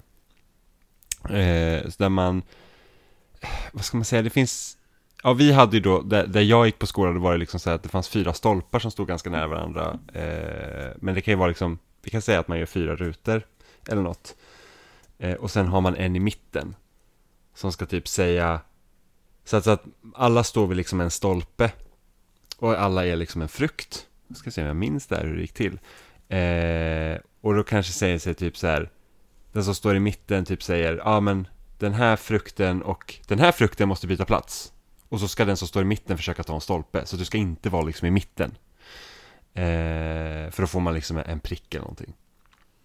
Och sen så kan man skrika typ fruktsallad, då måste alla byta plats. Och sen så den som blir utan plats, den är i mitten då. Och så får man en prick. Ja, Det är typ som Hela havet ja. stormar ish. Ja men typ.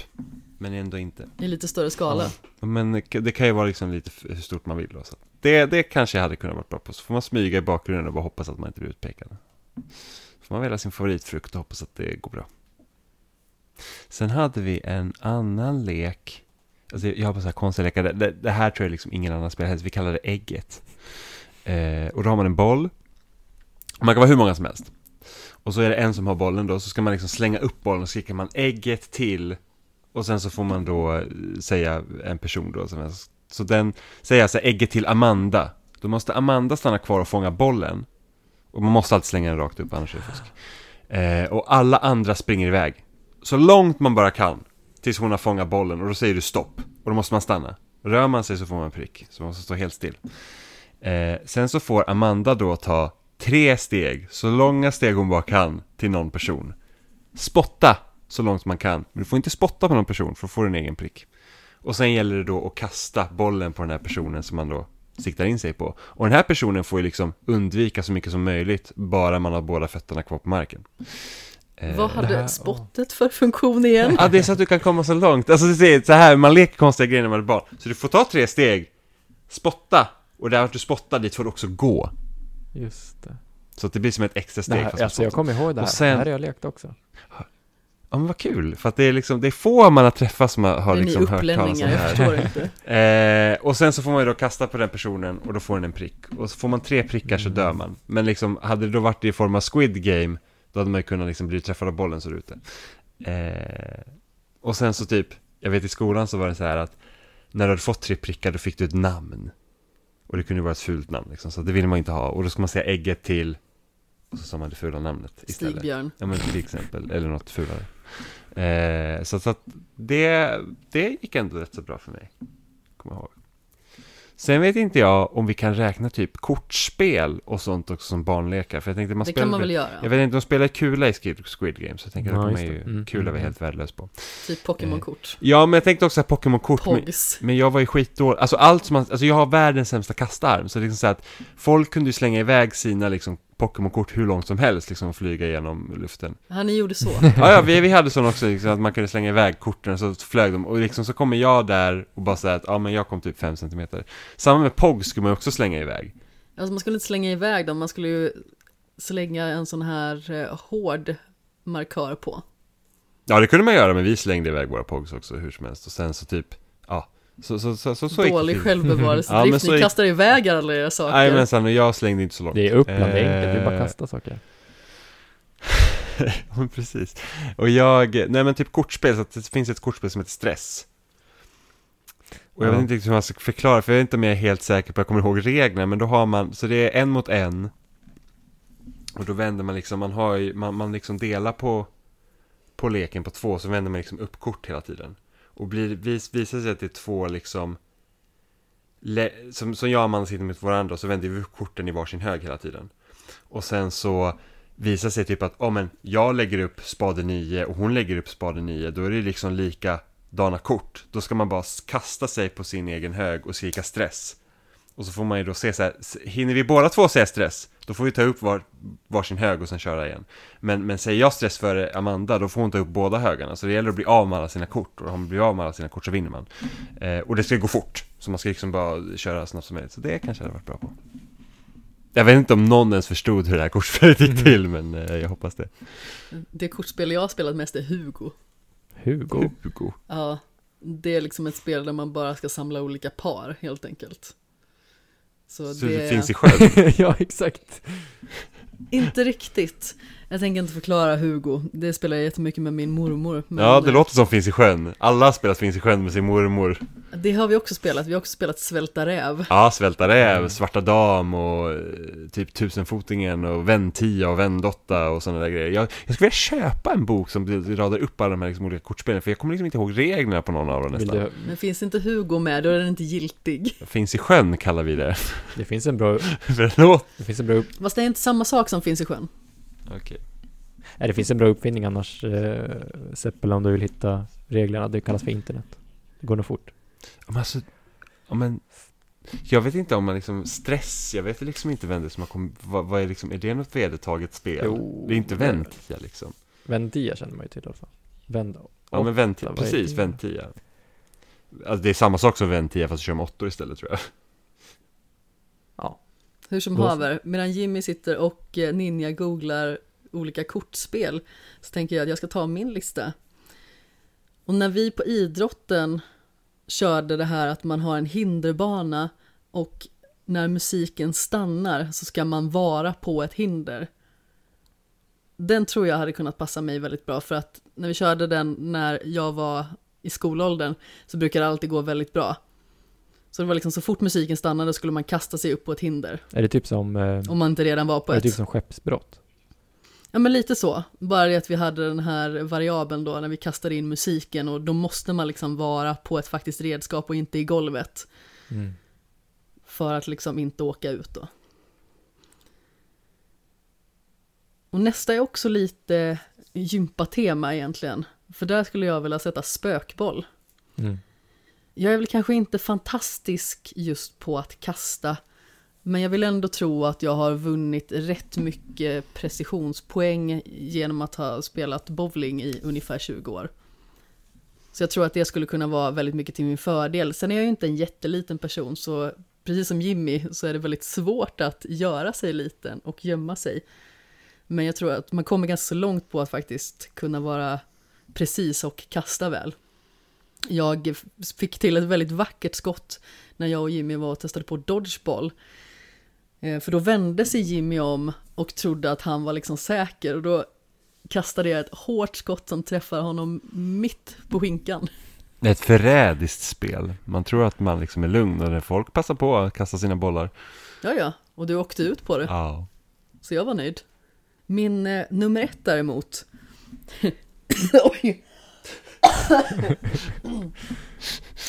Det här var, det här, Amanda bara smittar ner alla så det finns inga deltagare kvar. ja men precis. Pandemin skulle du överleva.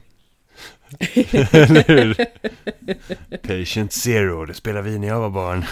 Min nummer ett är hoppstylteuthållighet. Den som kan hoppa längst på en hoppstylta. Det tror jag att jag hade varit väldigt bra på. För att jag var kanon på att hoppa hoppstylta när jag var liten. Jag vet inte ens vad en hoppstylta är, Va? om jag ska vara ärlig. Vad har du varit egentligen? Ja, inte bland hoppstyltor. Ja men du vet hur vanliga styltor ser ut. Alltså typ såhär trä på, alltså nej. Alltså det är ju träpinnar Ja, som har eh, små avsatser på sig som man kan sätta sina fötter på. alltså går man med dem. Precis. Och en hoppstylta, är den här typ som ser ut nästan som en eh, cykelpump? Fast med en fjäder som man hoppar på. Ja, eller det ser ut som en sån här borr som man bara hål i marken med. Alltså en betong, alltså ja, ja, vi ska se, hoppstylta. Ja men precis. Så, sådana som ser ut som en cykelpump fast med en fjäder liksom i botten. Ja, men precis. Man Ja. skulle kunna säga att man har slagit ihop båda styltorna så att det är en pinne istället, två stycken ställen då på den här som man kan sätta sina fötter på, ett handtag som kanske är ungefär i midjehöjd och sedan så studsar själva bottendelen. Ja men precis, ja men som en pogo stick liksom. Det säger mig ingenting, Okej. men eh, om det känns rätt för dig så känns det rätt för mig. Ja men har du, har du spelat DuckTales-spelet på typ Super Nintendo? Eller nin... Nej, vad till och med första Nintendo? NES? Alltså jag minns inte det så jättemycket, men du menar hans eh, käpp? Ja men precis, det, det är typ som en pogo stick, sen hoppar han liksom runt på. Ja, men precis. Ja, Ja, nej men som sagt. finns att köpa så här eh, kunde- hoppstyltor på jongleringsbutiken.se, det visste inte jag att det ex- existerade. Spännande. Mhm. Men jag kunde i alla fall hålla ut oerhört länge på en hoppstylta. Jag stod liksom hela raster och hoppade hoppstylta verkligen. Jag vet inte riktigt vad det var för nytta med det, men det var jätteroligt tyckte jag i alla fall. Ehm, Så jag tror att hade någon kastat på mig en hoppstylta och säg överlev, då hade jag nog klarat det faktiskt. Hade någon kastat på mig styltor, alltså vanliga sådana trästyltor, då hade jag åkt ut på tre sekunder. Jag lärde mig aldrig att gå på dem. Eller med dem. Nej, det är ju fruktansvärt. Vad är syftet, Det är med, vad, är, vad är syftet med styltor? Vad ska de vara bra för? Ja men precis så mycket annat man kan. liksom, vad, vad är det för, vad, vad är det liksom för, vad är det för mening med att jonglera? Ja. När jag tänker på styltor så tänker jag bara på de här eh, långa nissarna i eh, Ringaren av Notre Dame, de som går runt på styltor. Ja, men precis. Det är typ så här, bara, ja men här är typ ett vattendrag som jag inte vill drunkna i. Då kan jag ta mina styltor och gå det och hoppas kanske inte att strömmen är så hård så att det typ välter mig. Men jag vet inte. Nu, fasen nu, Det finns som... ja, jag hittar roten till varför jag tycker cirkus är så meningslöst nu. För det finns styltor och jonglering på dem. Ja men jag säger det, det är liksom så här typ Mm. Oj. Alltså jag, jag, jag, jag sitter och kollar här på jongleringsbutiken nu. Nu hittar jag en sån här Diabolo som var de här typ Just det. Som var liksom jättepoppis bland ungarna när man liksom var liten var här, Man hade de här två pinnar med ett snöre Och sen så var det någon jättekonstig typ Vad ska man kalla det så här eh, Timglasformad skit Mm. Det är som en jätte... som man liksom sätter på det här snöret och sen så ska man liksom så här spinna upp det. Det är som typ en jojo fast med två En pinnar jättestor nästan. fidget spinner. Ja, fast ja. Ja, kanske. Jättemånga konstiga händer. Jag kommer ihåg att när vi var små, alltså med alla i samma ålder, så fanns det en sån här Ja, det var som en sån här typ lurvig lurvig docka som var på snören som man kunde hålla med och styra grejer som jag alltid ville ha. Jag vet inte vad jag ska kalla det för någonting, men det var jättehäftigt. En marionett. Ja men typ. Fast den var typ som, som en sån här mupp. Alltså en mupp alltså. Jag vet inte hur jag ska förklara det, men så från mupparna, en sån smal, smal, lurvig sak som man styrde runt på. Jag är ledsen, jag kan faktiskt inte komma Nej, på alltså något jag kan inte säga heller, men det, det var liksom jättepoppis i den skolan jag gick på som folk hade. Det var bara rikungarna som fick sådana saker. Jag kommer ihåg att många ett tag hade så här låtsashundar med sig, som man hade i koppel. Så det var liksom gosedjur som hade en fysik så att de nästan gick. För att de hade så pass sladdriga ben. Ja. Men eh, Som man hade på snöre. Som en marionett. inte marionett. Alltså ett koppel. Vanligt koppel. Ja, nej det är inte det jag menar. Men jag tycker att eh, vi lämnar marionettmuppar och eh, hundar med märklig fysik bakom oss och går in på huvudämnet för dagen. Och det är ju nämligen Squid Game.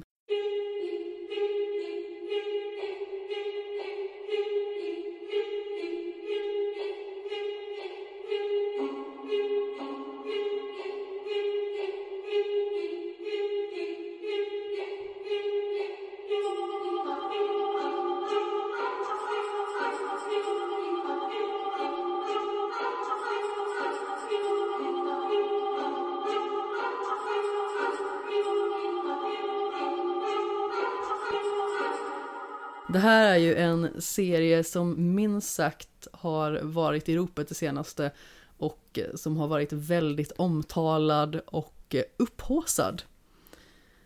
Vi har ju haft den på vår lista ett tag och nu har vi äntligen tagit tag i den.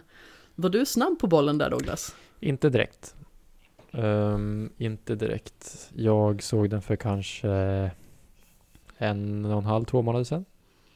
Uh, och då tror jag att den hade funnits åtminstone ett halvår kanske. Den kom väl ut i tidigt i år antar jag. Innan det tog lite fart sådär. Eh, så nej, inte, inte, inte snabb men inte sist. Typ så. Vi ska se, Squid Game släpptes för första gången den 17 september 2021. Kanske du var snabb Douglas. jäkligt snabb. Häftigt. Ovetande snabb. ja, nej, men jag tyckte folk hade pratat om det i så här ett par månader och ja, försökte väl.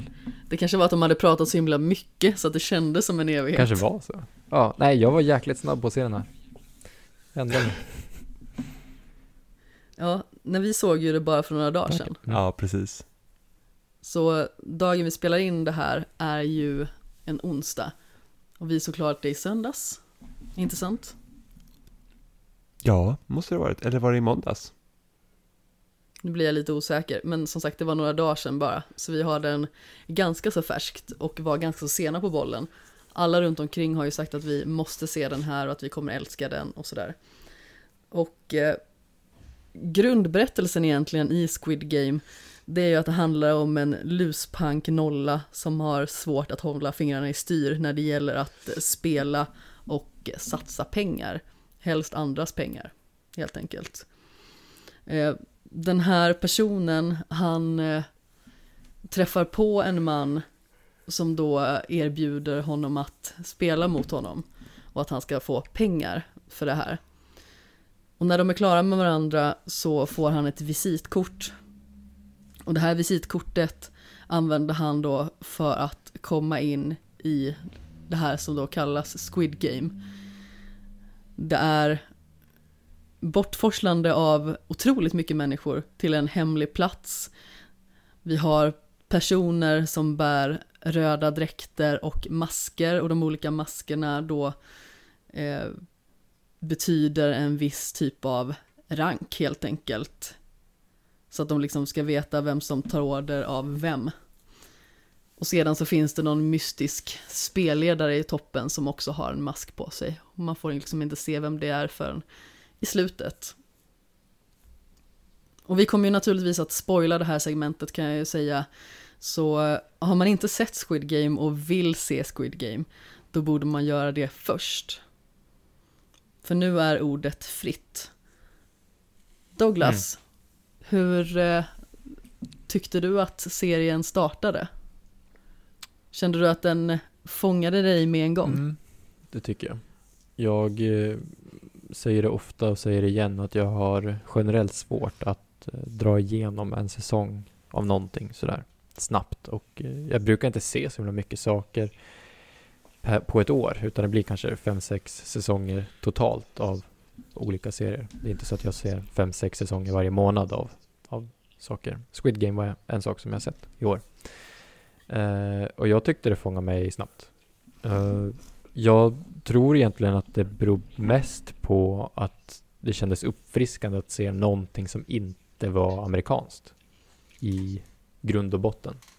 Nu är det väl finansierat av Netflix och så, men själva utförandet är ju sydkoreanskt och jag tyckte det var superhärligt uppfriskande att bara få färdas till en annan kultur och ta del av ett annat bildspråk, ett annat liksom manusförfattande eh, som man inte alltid ser. Så jag tror det var mycket det som fick mig att eh, bli intresserad. Eh, och dessutom så har jag en kompis som har pluggat i, i Sydkorea eh, på ett utbytesår. Så det var också intressant att få liksom se hur den kulturen fungerade till viss del. Nu vet jag att de inte har sådana här mordspel där, men eh, ändå lite grann kring livet runt omkring och eh, hur till exempel nära samarbete de har med USA i landet och att det är liksom en av deras närmast allierade. Det finns ju en karaktär där som ska åka dit för att få jobb till exempel och det är en väldigt vanlig grej, fick jag lära mig av min kompis. Och bara en sån sak liksom berikade någonstans att kunna se ett avsnitt eller två och sen diskutera med honom kring det som hände i dem, för han såg den också då parallellt, mer eller mindre tillsammans med mig. Så det var nog mycket därför jag eh, tog mig an den och såg igenom hela, hela säsongen ganska snabbt och uppenbarligen ganska tidigt. Ja, men alltså koreanska serier och filmer har ju verkligen varit på frammarsch de senaste åren. Folk har liksom börjat upptäcka dess kvalitet och eh, de här filmerna och serierna har fått lite mer tid i rampljuset. Alltså vi har ju ett perfekt exempel på det i Parasite till exempel. Som eh, gjorde Oscars succé förra året. Exakt, och som jag inte har sett den. Det borde du verkligen Den borde du verkligen se, den är verkligen jätte, jättebra. Mm. Det, det ska jag. Ja. Alltså jag har ju varit med liksom i kontakt med liksom asiatiska, eller ja, jag kan inte bara säga asiatiska, vi har, har hela liksom, Indien har ju en jättestor liksom scen med Bollywood och sådana grejer som också egentligen är asiatiska filmer, men man tänker typ, om det kommer så här från Sydkorea eller Japan, det var ju väldigt mycket så här framgångsrika på skräck. Och speciellt liksom när, när jag började se mycket skräckfilmer så var det liksom, då, då kom den här boomen med då japanska skräckfilmer som alla fick typ remakes.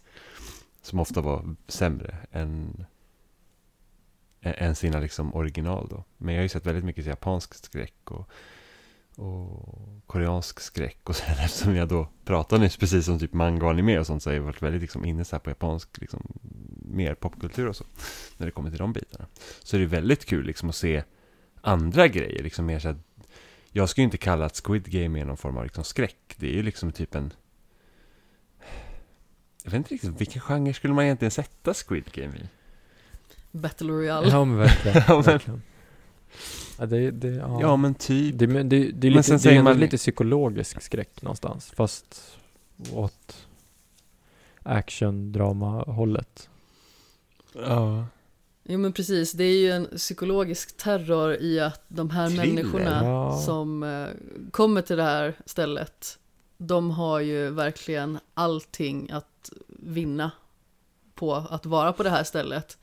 Men är det liksom värt att förlora livet över? Så de vet ju liksom hela tiden att i nästa spel så kan det vara jag som ryker. För att utkomsten är hela tiden döden. Om man misslyckas. Ja. Men jag tror ändå det är mest spännande liksom med typ uppbyggnaden kring Squid Game för att det är aldrig uttalat att det är den sista personen som överlever som vinner. Utan det är hela tiden så här liksom, du har ju den här stora potten pengar som liksom ligger som en hägring där att det här är vad liksom ni kan få. Det är aldrig liksom vinnaren av Squid Game som får det. Utan det är liksom den här grejen att, ja men vi har de här olika lekarna och ni måste klara dem. Men det är ju aldrig uttalat att ni kommer liksom köra någon form av bracket, liksom att, att det är en person som kommer få alla pengar, utan det är liksom det här att ja men ni har de här lekarna, ni måste klara dem och då har ni chansen att vinna de här pengarna. Men de får det att låta som att om det är tre stycken personer kvar till exempel som klarar sig igenom alla de här lekarna så får de dela på pengarna. Men det är till och med så att är det ingen som dör i vårt Squid Game så kommer ni dela på pengarna. Så att det finns ju alltid den här tron om att alla potentiellt skulle kunna klara sig. Men man blir ganska så snabbt varse om att alla kommer inte klara sig. Men alltså jag till och med skulle, alltså Jag ponerade ju någonstans också att det är möjligt att eh, spelet är riggat så att ingen ska klara sig. Och att de här pengarna, det är liksom bara en, Illusion. ja. Ja, men så kan det absolut vara också. Att man tänker i början. Eh, Jag funderade kring sådana saker också, men de satte ju tonen ganska så snabbt när de kom in i det här spelet. Och eh, första leken är det här rött ljus, grönt ljus heter den va? Ja, Precis. Jag vet inte om den het, heter den så, liksom vår egen variant Alltså det är typ under hökens vingar kom någonting. Men jag tror, men jag tror att ljusgrönt ljus också finns. Men vi lekte under hökens vingar kom. Alltså den har jag också lä lekt, läst tänkte jag säga, men det har jag också lekt. Men jag är också med med att det fanns något här, det här start och stopp. Ja, det kanske bara Ja, heter start och kanske. stopp. Liksom det här är typ att den ena står ju liksom så här, jag vet ju att man ska stå, en unge då, står ju mot en vägg och, och liksom, den får inte se de andra. Och sen ska den bara vända på sig och säga stopp! Och då måste alla stå still. Nej, men alltså, jag vet att många kallar det under hökens vingar kom. Visst var det det Mhm. Douglas? Vi kallade det under hökens vida vingar. Ja. Och då säger man det och sen så säger man vilken färg. Det är liksom alla andra ska då Precis. besvara. Och då ska den personen till exempel säga blå och alla som har något blått på sig får då gå raka vägen till andra sidan utan att kunna bli tagna. Alla andra får springa över. Och då ska eh, höken då eh, ta de som faktiskt eh, inte har något blått på sig. ja Och då blir de det. också sådana som ska ta. Exakt.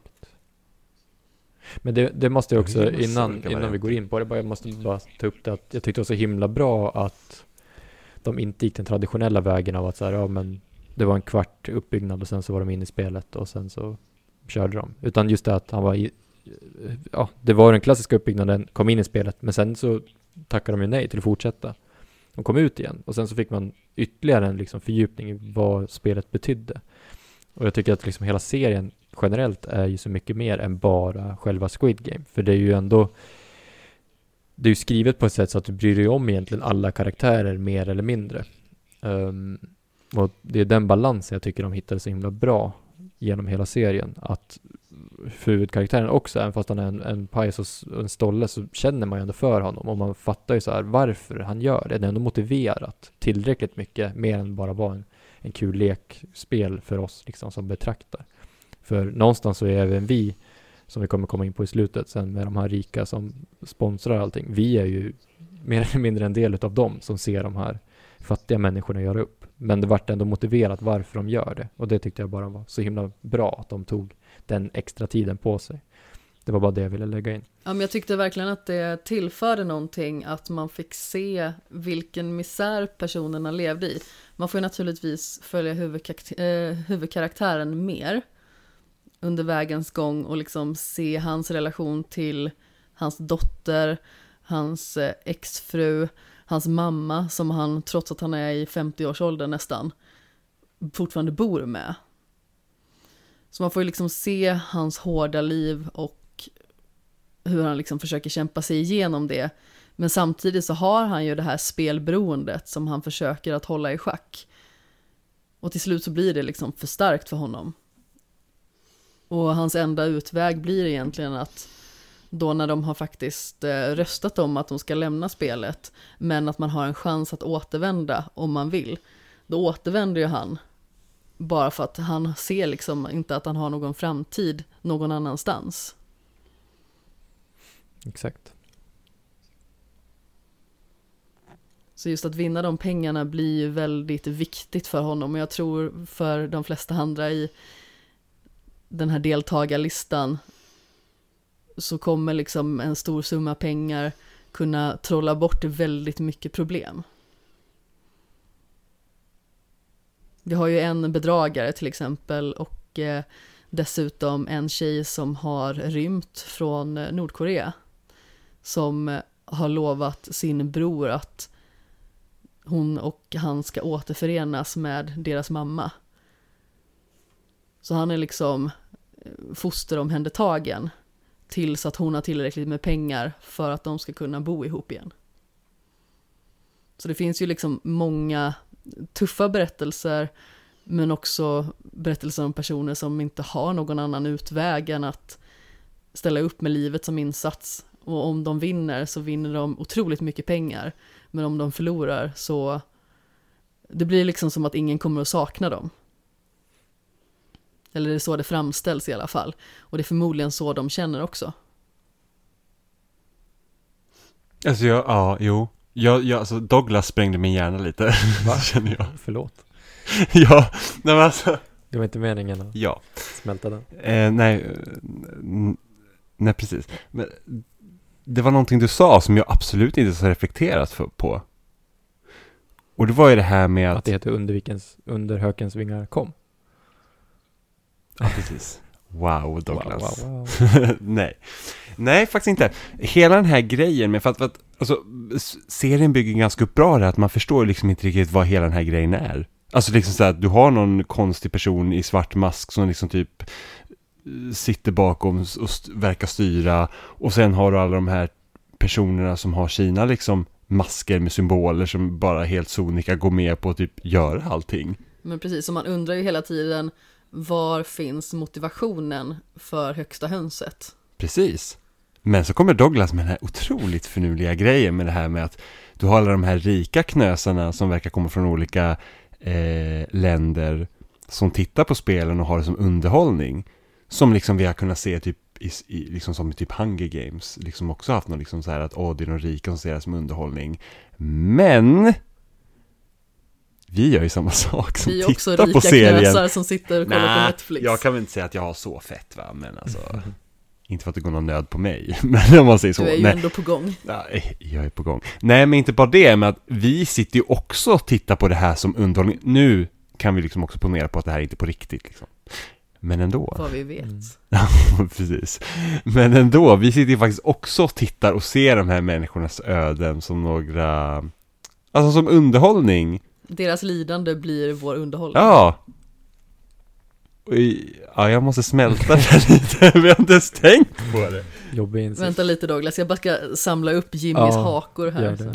Ah, Men, Ja, samtidigt, så är, ja, men samtidigt så är det också någonstans att jag tycker själva spelen i sig inte var liksom det som fångade mig. Ehm, jag är inte så himla mycket för glorifierat våld av det slaget. Ehm, jag tycker det tillför en verklig känsla till serien som känns nödvändig. Jag tycker, tycker till exempel att Battle Royale gör det mycket bättre än Hungerspelen för att Hungerspelen känns för lättsam.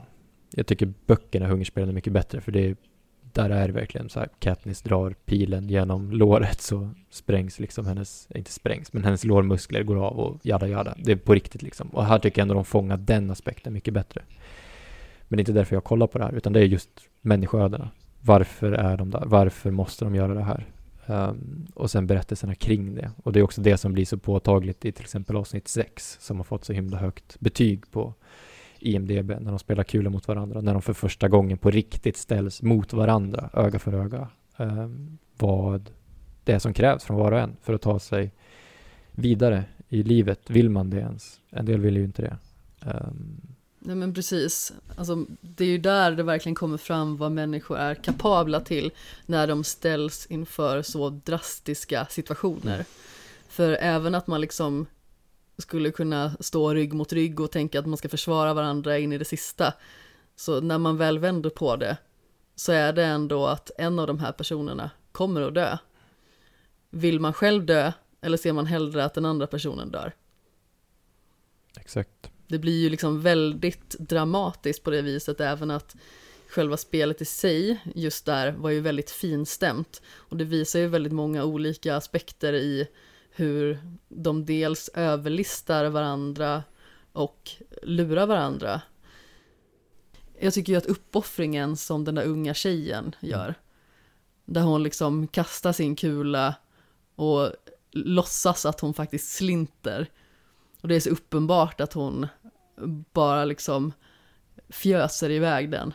Bara för att eh, tjejen som ska återvända till sin bror ska vinna. Det var väldigt starkt tyckte jag. Mm, då följdes det tårar. Och likadant, eh, de fångar liksom kontentan av vad mänskligt förtroende handlar om och förmågan och eh, någonstans essensen av att kunna lita på varandra eh, i den grad när vår huvudkaraktär möter den äldre mannen som han har hjälpt genom hela vägen. Men som han börjar liksom fuska mot under det här spelet. Som i slutändan visar sig vara en av huvudsponsorerna till hela spelet. Där han bara ville vara med för att känna en kick inför liksom sin utgång. Och han tar ju sig ut på annat sätt ändå. Men där blir det också så himla uppenbart någonstans att liksom handla om hade han bara litat på den här karaktären. För det känns som att vår huvudkaraktär och den äldre mannen, de hade ändå någonting, men att han svek honom och då vart han så besviken på honom. Och det fångade de också så himla bra. Och likadant med den här smarta halvbron är det va?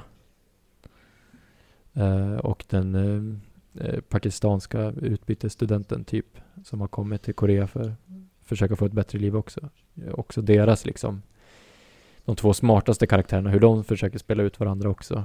Mm, där man kan bli för godtrogen också. Så de fångar liksom tre stycken jättestarka liksom människoöden och viktiga liksom förmågor vi har som människor bara generellt på ett så himla träffsäkert sätt i hela det avsnittet. Som får ta verkligen sin tid. Ja, precis.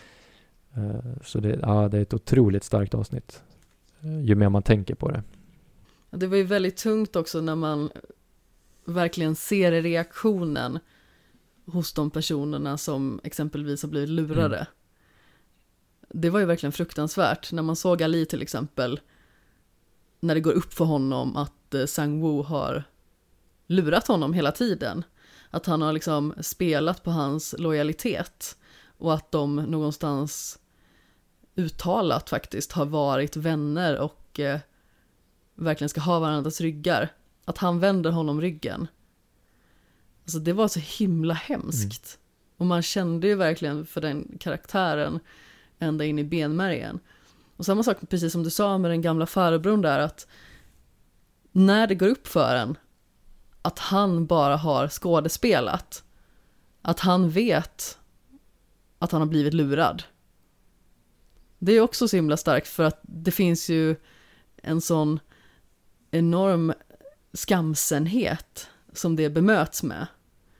Och att de liksom har haft ett starkt band hela tiden slängs bara iväg bara för att det finns någon form av överlevnadsinstinkt och att man kanske känner då att men den här gamle mannen, han vet liksom inte vad som händer, då kan jag offra honom. Exakt. Är det rätt att offra honom bara för att han inte förstår i det här läget, bara för att han börjar förlora greppet om verkligheten? Så det finns ju liksom så många parametrar där som eh, alltså träffar väldigt rätt och väldigt starkt. Men det avsnittet hade ju också inte varit någonting eh, utan dem innan. För det är ändå typ fem avsnitt som bygger upp hela konceptet. Eh, och det är, också, Ja, det är också där jag tycker att tempot är ganska bra i serien. Vilket också fick mig att fortsätta kolla. Eh, alldeles för långt in på småtimmarna. Eh, och så. Så ja, nej. Det, var- det, var, det var en omtumlande serie som faktiskt höll hela vägen. Jag tyckte även liksom avslutningen känns bra och det finns mycket runt omkring universumet. Särskilt med den här polisen som också tar sig till ön och eh, utforskar mycket kring organhandeln och sånt där som verkar vara, det verkar ändå vara en grej i Korea. Ehm. Ja men alltså, det är en av de mer intressanta delarna tycker jag, just den här polisen som eh, infiltrerar själva verksamheten. Hela hans historia om hur han eftersöker sin bror som har varit en del av spelet och att det visar sig att brodern sedan är själva spelledaren. Det byggs upp väldigt snyggt också för att han får hela tiden gå runt i bakgrunden och försöker liksom ta sig högre upp positionsmässigt och stjäl nya masker och eh, smyger omkring i bakgrunden för att försöka samla på sig bevis då kring vad som har hänt. Och där blir det också ett väldigt alltså, brutalt slut och uppvaknande egentligen, för man tänker ju liksom att ja, men den här personen, han kommer klara sig ut, han kommer kunna visa sina kollegor vad det är som har hänt. Och visa att då huvudkaraktären, som jag alltid glömmer namnet på, att han inte bara är koko i bollen när han går till polisen och försöker liksom få dem att få upp ögonen för det här fenomenet. Seong Gi-hun heter han va? Så kan det nog vara. Koreanska namn är inte någon specialitet. Mitt eh, koreanska uttal är inte heller helt fantastiskt, så eh, jag bävar varje gång jag ska säga någonting. Wang Yun-ho heter eh, polisen i alla fall. Men han, Douglas hade kunnat säga vad som helst, men jag sa, Ja. Precis. App, app, app, nej men som sagt, han, polisen. han är ju på väg att, eh, att fly därifrån bara för att han blir upptäckt. Och då kommer de ikapp honom, och eh, trots att det visar sig att det är hans bror, så skjuter han honom. Och han faller över en klippkant ner i havet och avlider. Fast vet man det? Mm. Det vet man ju inte. Han kanske dyker upp i en uppföljare. Det ska ju komma en uppföljare. Det ska ju komma en säsong två. Okej. Men det är ju absolut inte liksom så som jag förstår det liksom på den här ehm, alltså skaparen av Squid Game då, att han sa ju liksom det att ja men det kanske hade varit liksom mer roligt att följa någon av dem liksom som är rödklädda. Liksom de här som bara liksom av någon anledning gör det här hemska jobbet Mm. liksom.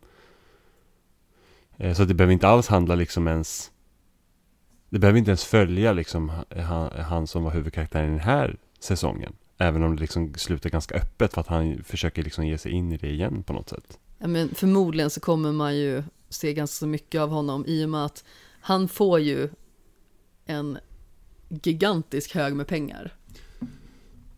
Och sedan så är han på väg att åka till USA i och med att hans dotter med tillhörande extra pappa och mamma och eh, extra syskon ska flytta dit.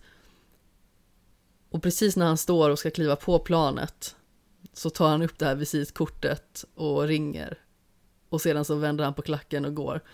Så förmodligen så kommer han ju återvända och det är säkert inte det sista vi har sett av honom. Nej, nej, men det är inte säkert att serieskaparen är intresserad av att följa det spåret. Nej, absolut. För att det är Så liksom, kan han vara. kan ju lika bra lämna det bara sådär öppet, alltså, att, ja men vi får väl, alltså, det får man ju avgöra själv liksom. Eh, om han vill göra det. Men liksom bara det här, liksom, varför finns Squid Game liksom, och sådana grejer skulle man också kunna följa upp. Mm.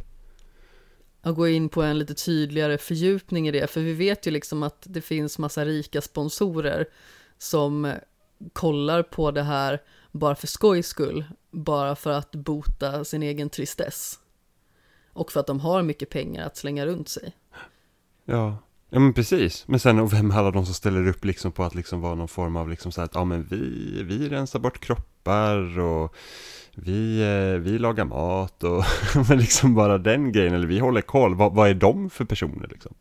För alla de verkar ju vara ganska unga och, och liksom hur lurar man dem dit? För jag kan ju absolut inte tänka mig att de är där av sin egen fria vilja.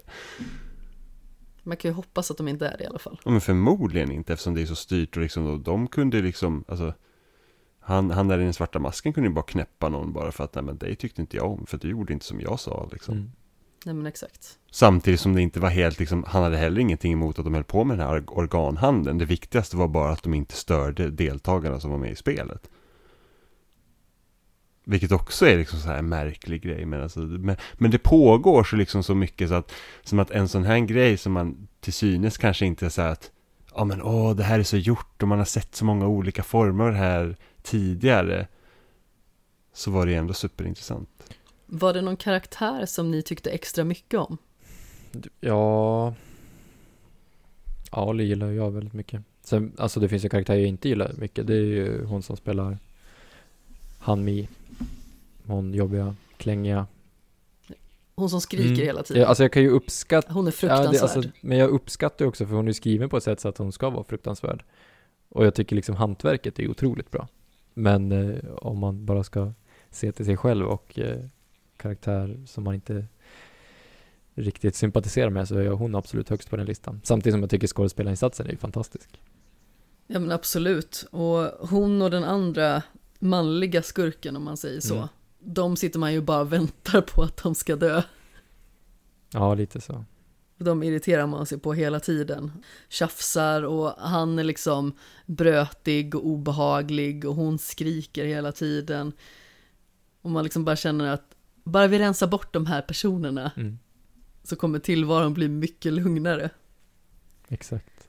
Men jag kan ändå uppskatta Seong Gi-Hun, alltså huvudkaraktären. ehm, på det sättet att jag ändå kan känna igen mig lite, som jag sa där inledningsvis. Att man är inte den som är först i ledet, men man kan ändå så här försöka peppa andra och säga, ja, men nu gör vi det här bra, vi försöker liksom hitta någonting. Och där kunde jag ändå känna rätt mycket sympati med honom, att man hade nog ändå försökt reagera något liknande, att man kanske inte hade varit bäst på allt, men försökt på smarta sätt ta sig vidare och sen hela tiden peppa laget och liksom, ja. Men han känns ju liksom inte som en så konventionell hjälte på det sättet att han är ju fullkomligt hopplös. Ja, Men samtidigt så är han ju väldigt godhjärtad egentligen. exakt.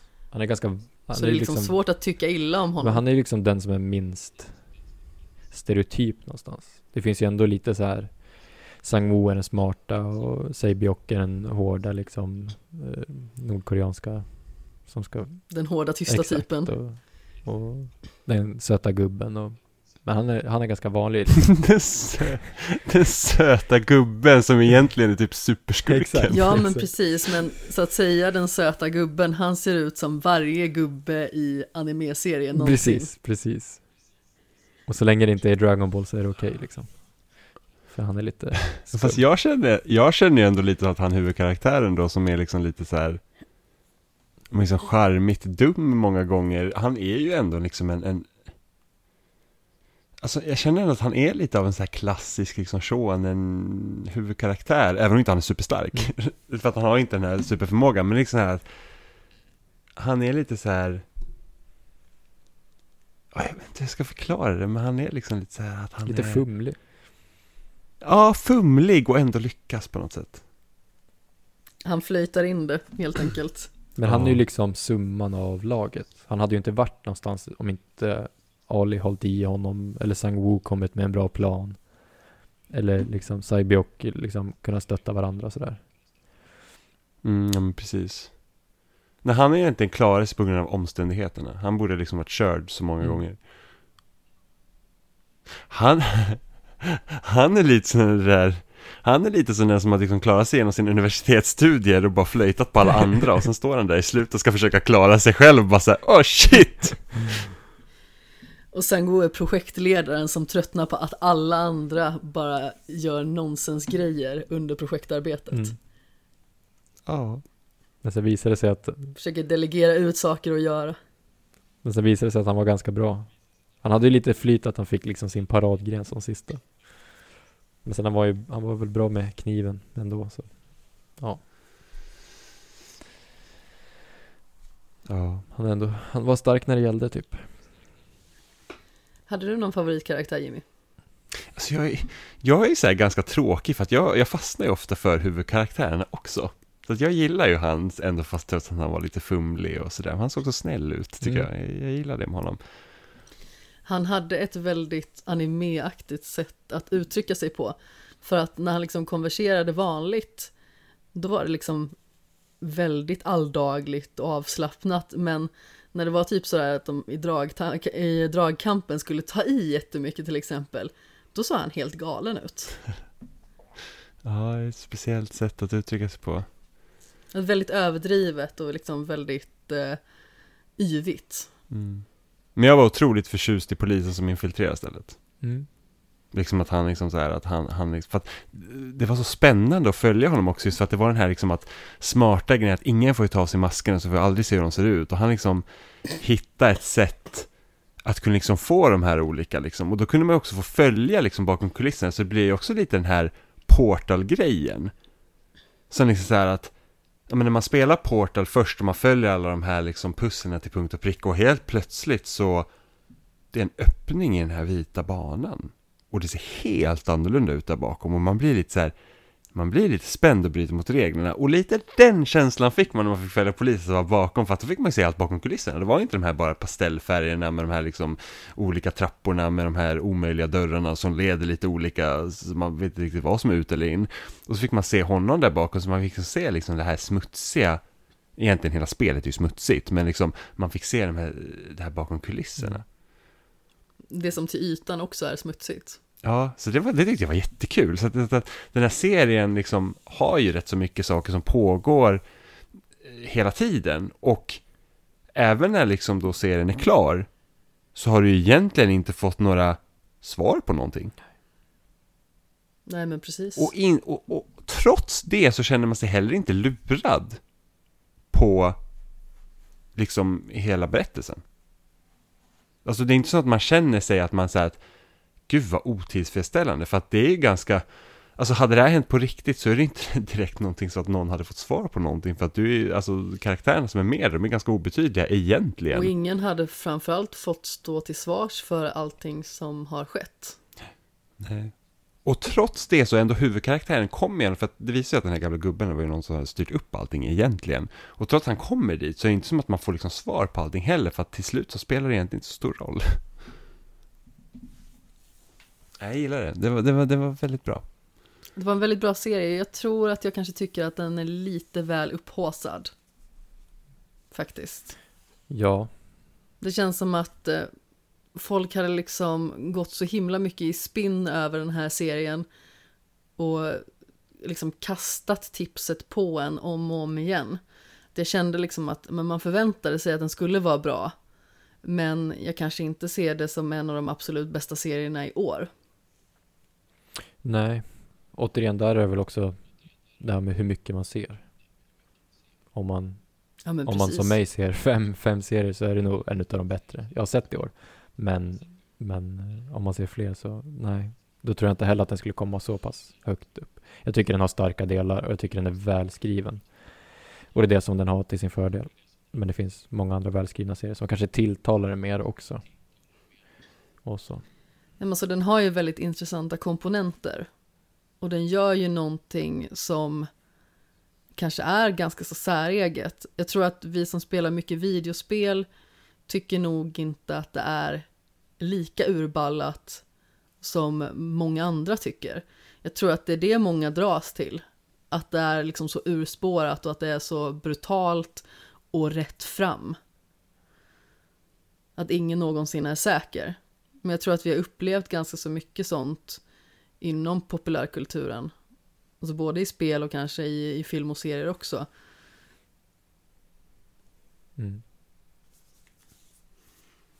Ja, men det är väldigt kul att se sådana här liksom olika liksom takes på saker som vi egentligen har sett. Från en kultur som vi kanske inte är så vana i att se liksom film och serier i. Nog för att vi liksom spelar japanska spel och så, men, men liksom att Men med att kunna liksom se så här filmer och serier från Sydkorea och, och, och, och liksom på saker som vi redan liksom kanske är lite familjära med, tycker jag är väldigt kul. Ja, men alltså på olika ställen i världen så är ju olika saker normen. Och det kan ju särskilja sig väldigt mycket från den norm man har där man kommer ifrån till exempel. Och vi får ju uppleva väldigt mycket amerikansk kultur och amerikanska filmer och serier och dylikt. Och det är sånt vi matas med dagligen. Alltså det blir ju väldigt amerikaniserat, samhället som vi lever i. Men det är ju därför det är så viktigt att också kolla sig omkring för att saker yttrar sig väldigt olika på olika ställen i världen. Alltså inställningen till samhället och kultur, det skiljer ju sig väldigt mycket från plats till plats. Och det är ju bara en sån sak som jag pratade om innan i Unforgotten till exempel. Vi har det amerikanska som kan vara ganska så överdrivet och nästan lite påklistrat. Alltså som sagt, jag tycker ändå att de har blivit bättre på senare år att ha det lite mer jordnära och eh, ha lite mer svärta. Men det känns som att britterna är bättre på det. Och sen så om vi liksom vänder oss till alltså det japanska och koreanska, då har de ett väldigt annorlunda uttryckssätt. Och skulle vi se en thriller till exempel som skulle komma därifrån, alltså en mer kanske regelrätt thriller, då skulle ju det förmodligen avspeglas på ett helt annat vis. Så det är det som är så himla intressant att samma scenario utspelas så himla olika i olika delar av världen och tacklas på väldigt olika vis. Och det är det som är så himla bra med att det börjar komma in lite mer kultur från andra håll än den som vi matas med dagligen. Det finns ju många serier som gör det väldigt annorlunda och väldigt bra. Alltså nu är La Casa de Papel till exempel är ju en serie som jag tycker tyvärr har gått ut för. Men när jag såg de första, i alla fall två, kanske till och med tre säsongerna så kände jag ju liksom att den hade någonting nytt att komma med. Den kommer liksom från en helt annan del av Europa som har liksom ett annat sätt att uttrycka sig på. Och den gjorde någonting väldigt speciellt. Så jag gillar liksom att det börjar liksom komma in lite fler saker utifrån in i den bubblan som man kanske befinner sig i egentligen. Mm. Och det gör ju liksom också att man blir fler erfarenheter rikare och man får kanske ett vidare spektrum också. För det är liksom väldigt lätt att bli inrutad i det som vi hela tiden vänjs med. Och om vi exponeras för nya saker från nya kulturer så får vi liksom nya infallsvinklar också och kan öka vår förståelse. Ja, och det, där kan jag tycka att det är ganska kul då, liksom att Netflix kan försöka att finansiera serier som kommer från andra ställen också. Eh, jag hade gärna hoppats liksom få se någonting från liksom hur ser filmscenen ut i olika afrikanska länder? För det finns ju också där, alltså de har ju Undrar om det är filmscenen i det kan vara Nigeria Så de kallar typ Nollywood Precis som vi har Bollywood och Hollywood. Eh, Och jag, vi har ju fått se något för att, att jag har ju läst i alla fall eh, mediekommunikationsvetenskap. Och där har vi liksom kollat lite på olika hur, hur det liksom kan se ut. Och även inom eh, engelskutbildningen liksom, i alla fall Södertörns högskola eh, kunde vi också liksom få se olika liksom, eh, filmer och sånt från så här olika eh, länder som liksom blivit då koloniserade av eh, Storbritannien. Eh, och då fick vi se liksom vissa klipp från Nollywood och det såg liksom helt galet ut för att det är liksom helt annan budget och det är typ, ja. Men liksom, det hade varit kul liksom att få se, se någonting därifrån också. Så att man får se, får liksom ta del av olika typer av kulturer och inte bara liksom den ofta liksom amerikanska som det blir ganska enkelt att vi får se. Eller den amerikanska uppfattningen av olika kulturer. Mm -hmm. Ja men precis så är det ju också och, och, där var det ju, och det finns ju alltid liksom en och det kan man även se liksom i EU att de liksom börjar liksom att åh, det måste komma något direktiv från alla de här streamingtjänsterna som kommer in på våra marknader att de måste ha liksom en viss procentuell eh, andel som kommer från då EU, vilket jag inte vet att är helt rätt att väg att gå, för att de är då rädda att, liksom att den amerikanska kulturen ska ko komma in och ta över. Och det är ju en ganska ändå en ganska märklig uppfattning med tanke på hur mycket amerikansk kultur vi redan liksom eh, konsumerar i form av liksom bio och, och, och film och tv-serier som den har varit. Böcker, nyheter. Böcker, precis. Eh, och det händer inte riktigt på det sättet med tanke på att varje kultur kommer att ta och tolka de amerikanska serierna, filmerna och etc. olika. För att vi har helt andra erfarenheter. Så det, det, det händer liksom inte riktigt ändå. Eh, så det, men, men det är ändå kul att vi får se olika. Alltså, jag såg även här för några år sedan så kommer den här svensk-danska serien Rain. Som, som handlar om då att det, det är det här typ förgiftade regnet som gör att alla som kommer i kontakt med det typ dör. Jag blev förbannad redan i första Ja, ja, den är ju helt, den är, den är ju på många sätt helt banal liksom. Och, re, och, redan när liksom öppnings... Eh, liksom redan när öppnings, eh, alltså bara typ tio minuter in, liksom händer det saker som, som man var såhär, alltså det där är ju bara korkat. Men, men det är ändå kul att se sådana liksom satsningar. Och jag såg ju ändå hela första säsongen och tyckte att den var liksom såhär, den var OK. Eh, men det är kul. Och nu ser vi på liksom, nu ser vi det här Palme, eh, serien om Palmemordet. Den osannolika mördaren. Precis, med Robert Gustafsson i huvudrollen. Eh, som också är Netflix-producerad. Och även om den är svensk och vi är liksom ändå van med, med svensk kultur så ändå är det jättekul. Eller som vi såg den här dokumentären om Knutby. Eh, från, den var ju väldigt bra. Den var ju på, var det HBO? Exakt. Ja, och det är väldigt roligt. Eh, och nu finns det ju en serie också om det, alltså, alltså in, inte en dokumentär som vi såg, utan en serie också som handlar lite om samma sak, som jag inte jag kommer ihåg vilken streamingtjänst som håller i det. Kan vara... Jag tror att det är Discovery Plus. Det kan det vara. Men i alla fall. Lite osäker, ja, nu precis. jag. Men den finns också där, så det hade varit också kul att se liksom. Ja, men som sagt, i och med att de här serierna liksom kommer in på Netflix till exempel, så känns det som att det blir ju lite högre krav också. Att man måste kanske anpassa sig lite till en bredare publik. Det känns ändå som att de kanske har gjort det lite grann. Något som jag upplever oftast när man ser på svenska filmer och serier, det är att det finns liksom ett väldigt överartikulerande. Alltså det märks liksom att de flesta har gått på Dramaten. Och så är det liksom så här, man drar ut på orden och man pratar på ett visst vis. Och jag har liksom uppfattat flera gånger att det känns som att många manliga skådespelare låter exakt likadana. Flera av de här är också ljudboksuppläsare. Och jag tycker det liksom är svårt att skilja dem åt för de pratar verkligen i stort sett likadant. Så det känns liksom som att de kanske behöver ha ett lite annat förhållningssätt och inte det här nästan lite nästan lite förlegade i att det nästan är teater fast som råkar vara filmat. Eller vad tycker du Jimmy? Jo, men jag håller med. Har vi någonting mer vi vill tillägga om Squid Game? Kanske lite tankar eller funderingar? Kanske bara liksom en liten slutkläm på det här långa snacket? Alltså jag är ju både positiv och eh, lite rädd för framtiden för serien. För Dels så kände jag, det var ungefär som när man hade sett um, Westworld. Uh, säsong 1. Och den var helt otrolig.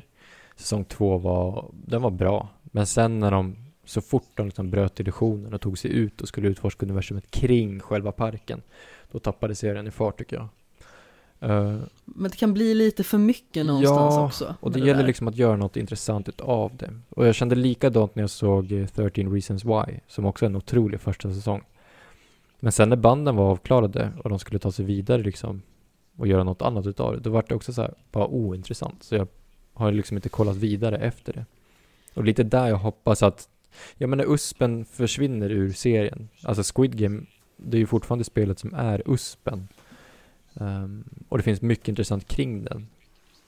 Liksom, kring det spelet. Men skulle det spelet försvinna ur serien, då skulle hela USPen försvinna på ett sätt som gör så att det tar, det tar skada, tror jag. Eh, Ja men det är lite tråkigt det där för att det finns ju en viss konsumtionshets kring tv-serier. Och det är väldigt synd att sådana här enstaka säsonger liksom inte kan få stå för sig själv. Att man liksom inte kan komma på något nytt utan att man hela tiden måste spinna vidare på olika koncept eller olika serier. Som sagt, jag är kanske inte ett superfan av 13 Reasons Why. Jag tyckte att det var en hyfsad serie ändå, en hyfsad ungdomsserie som ändå försökte säga någonting viktigt om hur det är att vara tonåring och att vara utsatt. Men där är det också liksom så att de hade inte behövt göra mer och nu är de ju liksom inne på flera säsonger och det känns som att de bara försöker spinna vidare och spinna vidare och spinna Mm. vidare. Även att man liksom inte bryr sig Det är väl längre. också det som är grejen med Netflix, för de har en stor budget till nästan allt och det blir ofta en väldigt bra första säsong på nästan allt de drar igång. Men det är också att nästan alla deras serier dör efter tre säsonger innan de går vidare till något annat. Och det är ju för att man spinner vidare på ett koncept som var bra från början men som inte går att ta någonstans. Så någonstans inom mig så önskade jag att Squid Game fick stå liksom en ensam säsong. Nu kan det bli bra med en till där man får se lite mer kring bakgrunden och själva organhandeln och varför de som jobbar, jobbar där. Det finns saker att ta reda på. Men jag hoppas ju inte att det blir mycket mer än så. Alltså det finns ju en möjlighet till fördjupning, men förhoppningsvis så tar de det liksom inte för långt med det där. Precis. För det finns ju fortfarande någonting spännande i att ha avslutat med fortfarande lite funderingar och kanske lite frågetecken. Man vill ju liksom inte att allting ska rätas ut, för då känns det ju som att eftersnacket försvinner lite grann. Ja, absolut. Det är en eh, väldigt hårfin balans. Och man vill ju heller inte som tittare eller spelare bli skriven på näsan. Det är ju otroligt irriterande. Nej. Nej, och det är liksom risken, alltså det blir typ så här Prison Break-grejen också. liksom så att jag älskar första säsongen av Prison Break och eh, andra säsongen känns som en naturlig uppföljning och sen så kom det liksom typ två säsonger till som verkligen var ugh. Tänk om jag bröt mig ut och sen bröt mig ut igen. Ja men det blir så. Och Men- igen. Men det var ju så här, ja men första Prison Break, vi har en helt, vi har den här så otroligt liksom elaborerade planen hur vi ska bryta oss ut där och liksom planerat i flera år för att lyckas göra det. Och så gör de det och sen säsong två handlar om hur man, flykten. Liksom okej nu är vi ute ur fängelset, vad gör vi nu? Ja, det, det känns ju helt okej liksom. Och sen så kommer så här säsong tre, nu ska vi bryta oss ut från ett till fängelse och det ska vi göra på en vecka. Man bara, men hur är det rimligt? Och det finns ingen plan bakom det här. Och sen så kommer säsong fyra som är, jag vet inte vad säsong fyra var egentligen. Och sen så, det finns en femte säsong också, som inte jag har sett. Som kom typ, ja men det, det kom ju för några år sedan. Och den liksom var ju, och sen tänker jag att Prison Break slutade egentligen 2009 kanske kom sista säsongen egentligen. Och sen så har vi då Blaha Deluxe liksom nästan tio år senare. Ja, vi kan väl vara enade om att många serier får hålla på på tok för länge och skulle behöva liksom någon som drar i bromsen. Ja, så är det. Men det är så här, åh nu tjänar vi massa pengar här så nu ska vi mjölka det i absurdum. Ja. Men sen är det också liksom sådär att det finns ju precis som vi sa tidigare en väldigt fin gräns på hur mycket mer vill man ha. Alltså vi är ju lite bovar i dramat, vi konsumenter, för att vi vill ha så himla mycket hela tiden. Och vi förväntar oss också att vi ska få. Men samtidigt så vill vi inte ha för mycket. Så det blir ju liksom en svår balansgång där. Hur vet skapare när de pushade för långt? Så är det. Men alltså, samtidigt, jag hade inte haft någonting emot med, eh, alltså jag hade inte haft någonting emot om det inte blev mer Squid Game till exempel. Inte jag heller, Mm. jag tycker att den räcker så här. Men jag tänker att vi ska börja avrunda lite för dagen och eh, har man några frågor, funderingar, förslag eller önskemål så är det bara att skicka ett meddelande till skamshogen.gmail.com eller höra av sig på sociala medier. Douglas, var finner man dig för någonstans? Det var nog enklast på Twitter, skulle jag nog påstå. Och då hittar man mig i Douglas Lindberg i ett ord. Eh, Så kan man bara skälla på mig eller eh, säga vad man bör göra bättre. Så ska jag försöka lösa det till nästa avsnitt. Eh, Så man får gästa. Annars så är det bara att kolla in på playone.se för att hitta mina senaste recensioner. Och förhoppningsvis då så dyker det väl upp något inom kommande månad. Spännande. Mm. Jimmy Seppele, var hittar man dig för någonstans? Jag, eh, man kan hitta mig som mest egentligen på Spelsnack. Eh, där jag poddar. Så det kan ni söka upp på Spotify eller Apple Podcasts eller var ni nu lyssnar på poddar. Eh, jag skriver också om spel på loading.se. Så där kan man också läsa mina recensioner. Och eh, jag twittrar väldigt sällan på atseppala13. Och mig kan man ju hitta på sociala medier i form av snabla kapten Sten, Sten med två E. Och även jag poddar i spelsnack som jag kommer veckovis. Och eh, skriver på loading.se när det mestadels finns någonting att recensera. Men som sagt, hör jättegärna av er om ni har någonting att säga till oss. Det är alltid roligt att höra att det finns någon som lyssnar där ute och att ni har åsikter naturligtvis om det vi sitter och eh, gaggar om här i flera timmar i sträck. Douglas, du får ha det så himla bra. Jag hoppas att vi hörs snart ja, igen. absolut. Det hoppas jag med. Det var väldigt kul att få gästa. Och kära lyssnare där ute, puss i ljumsken.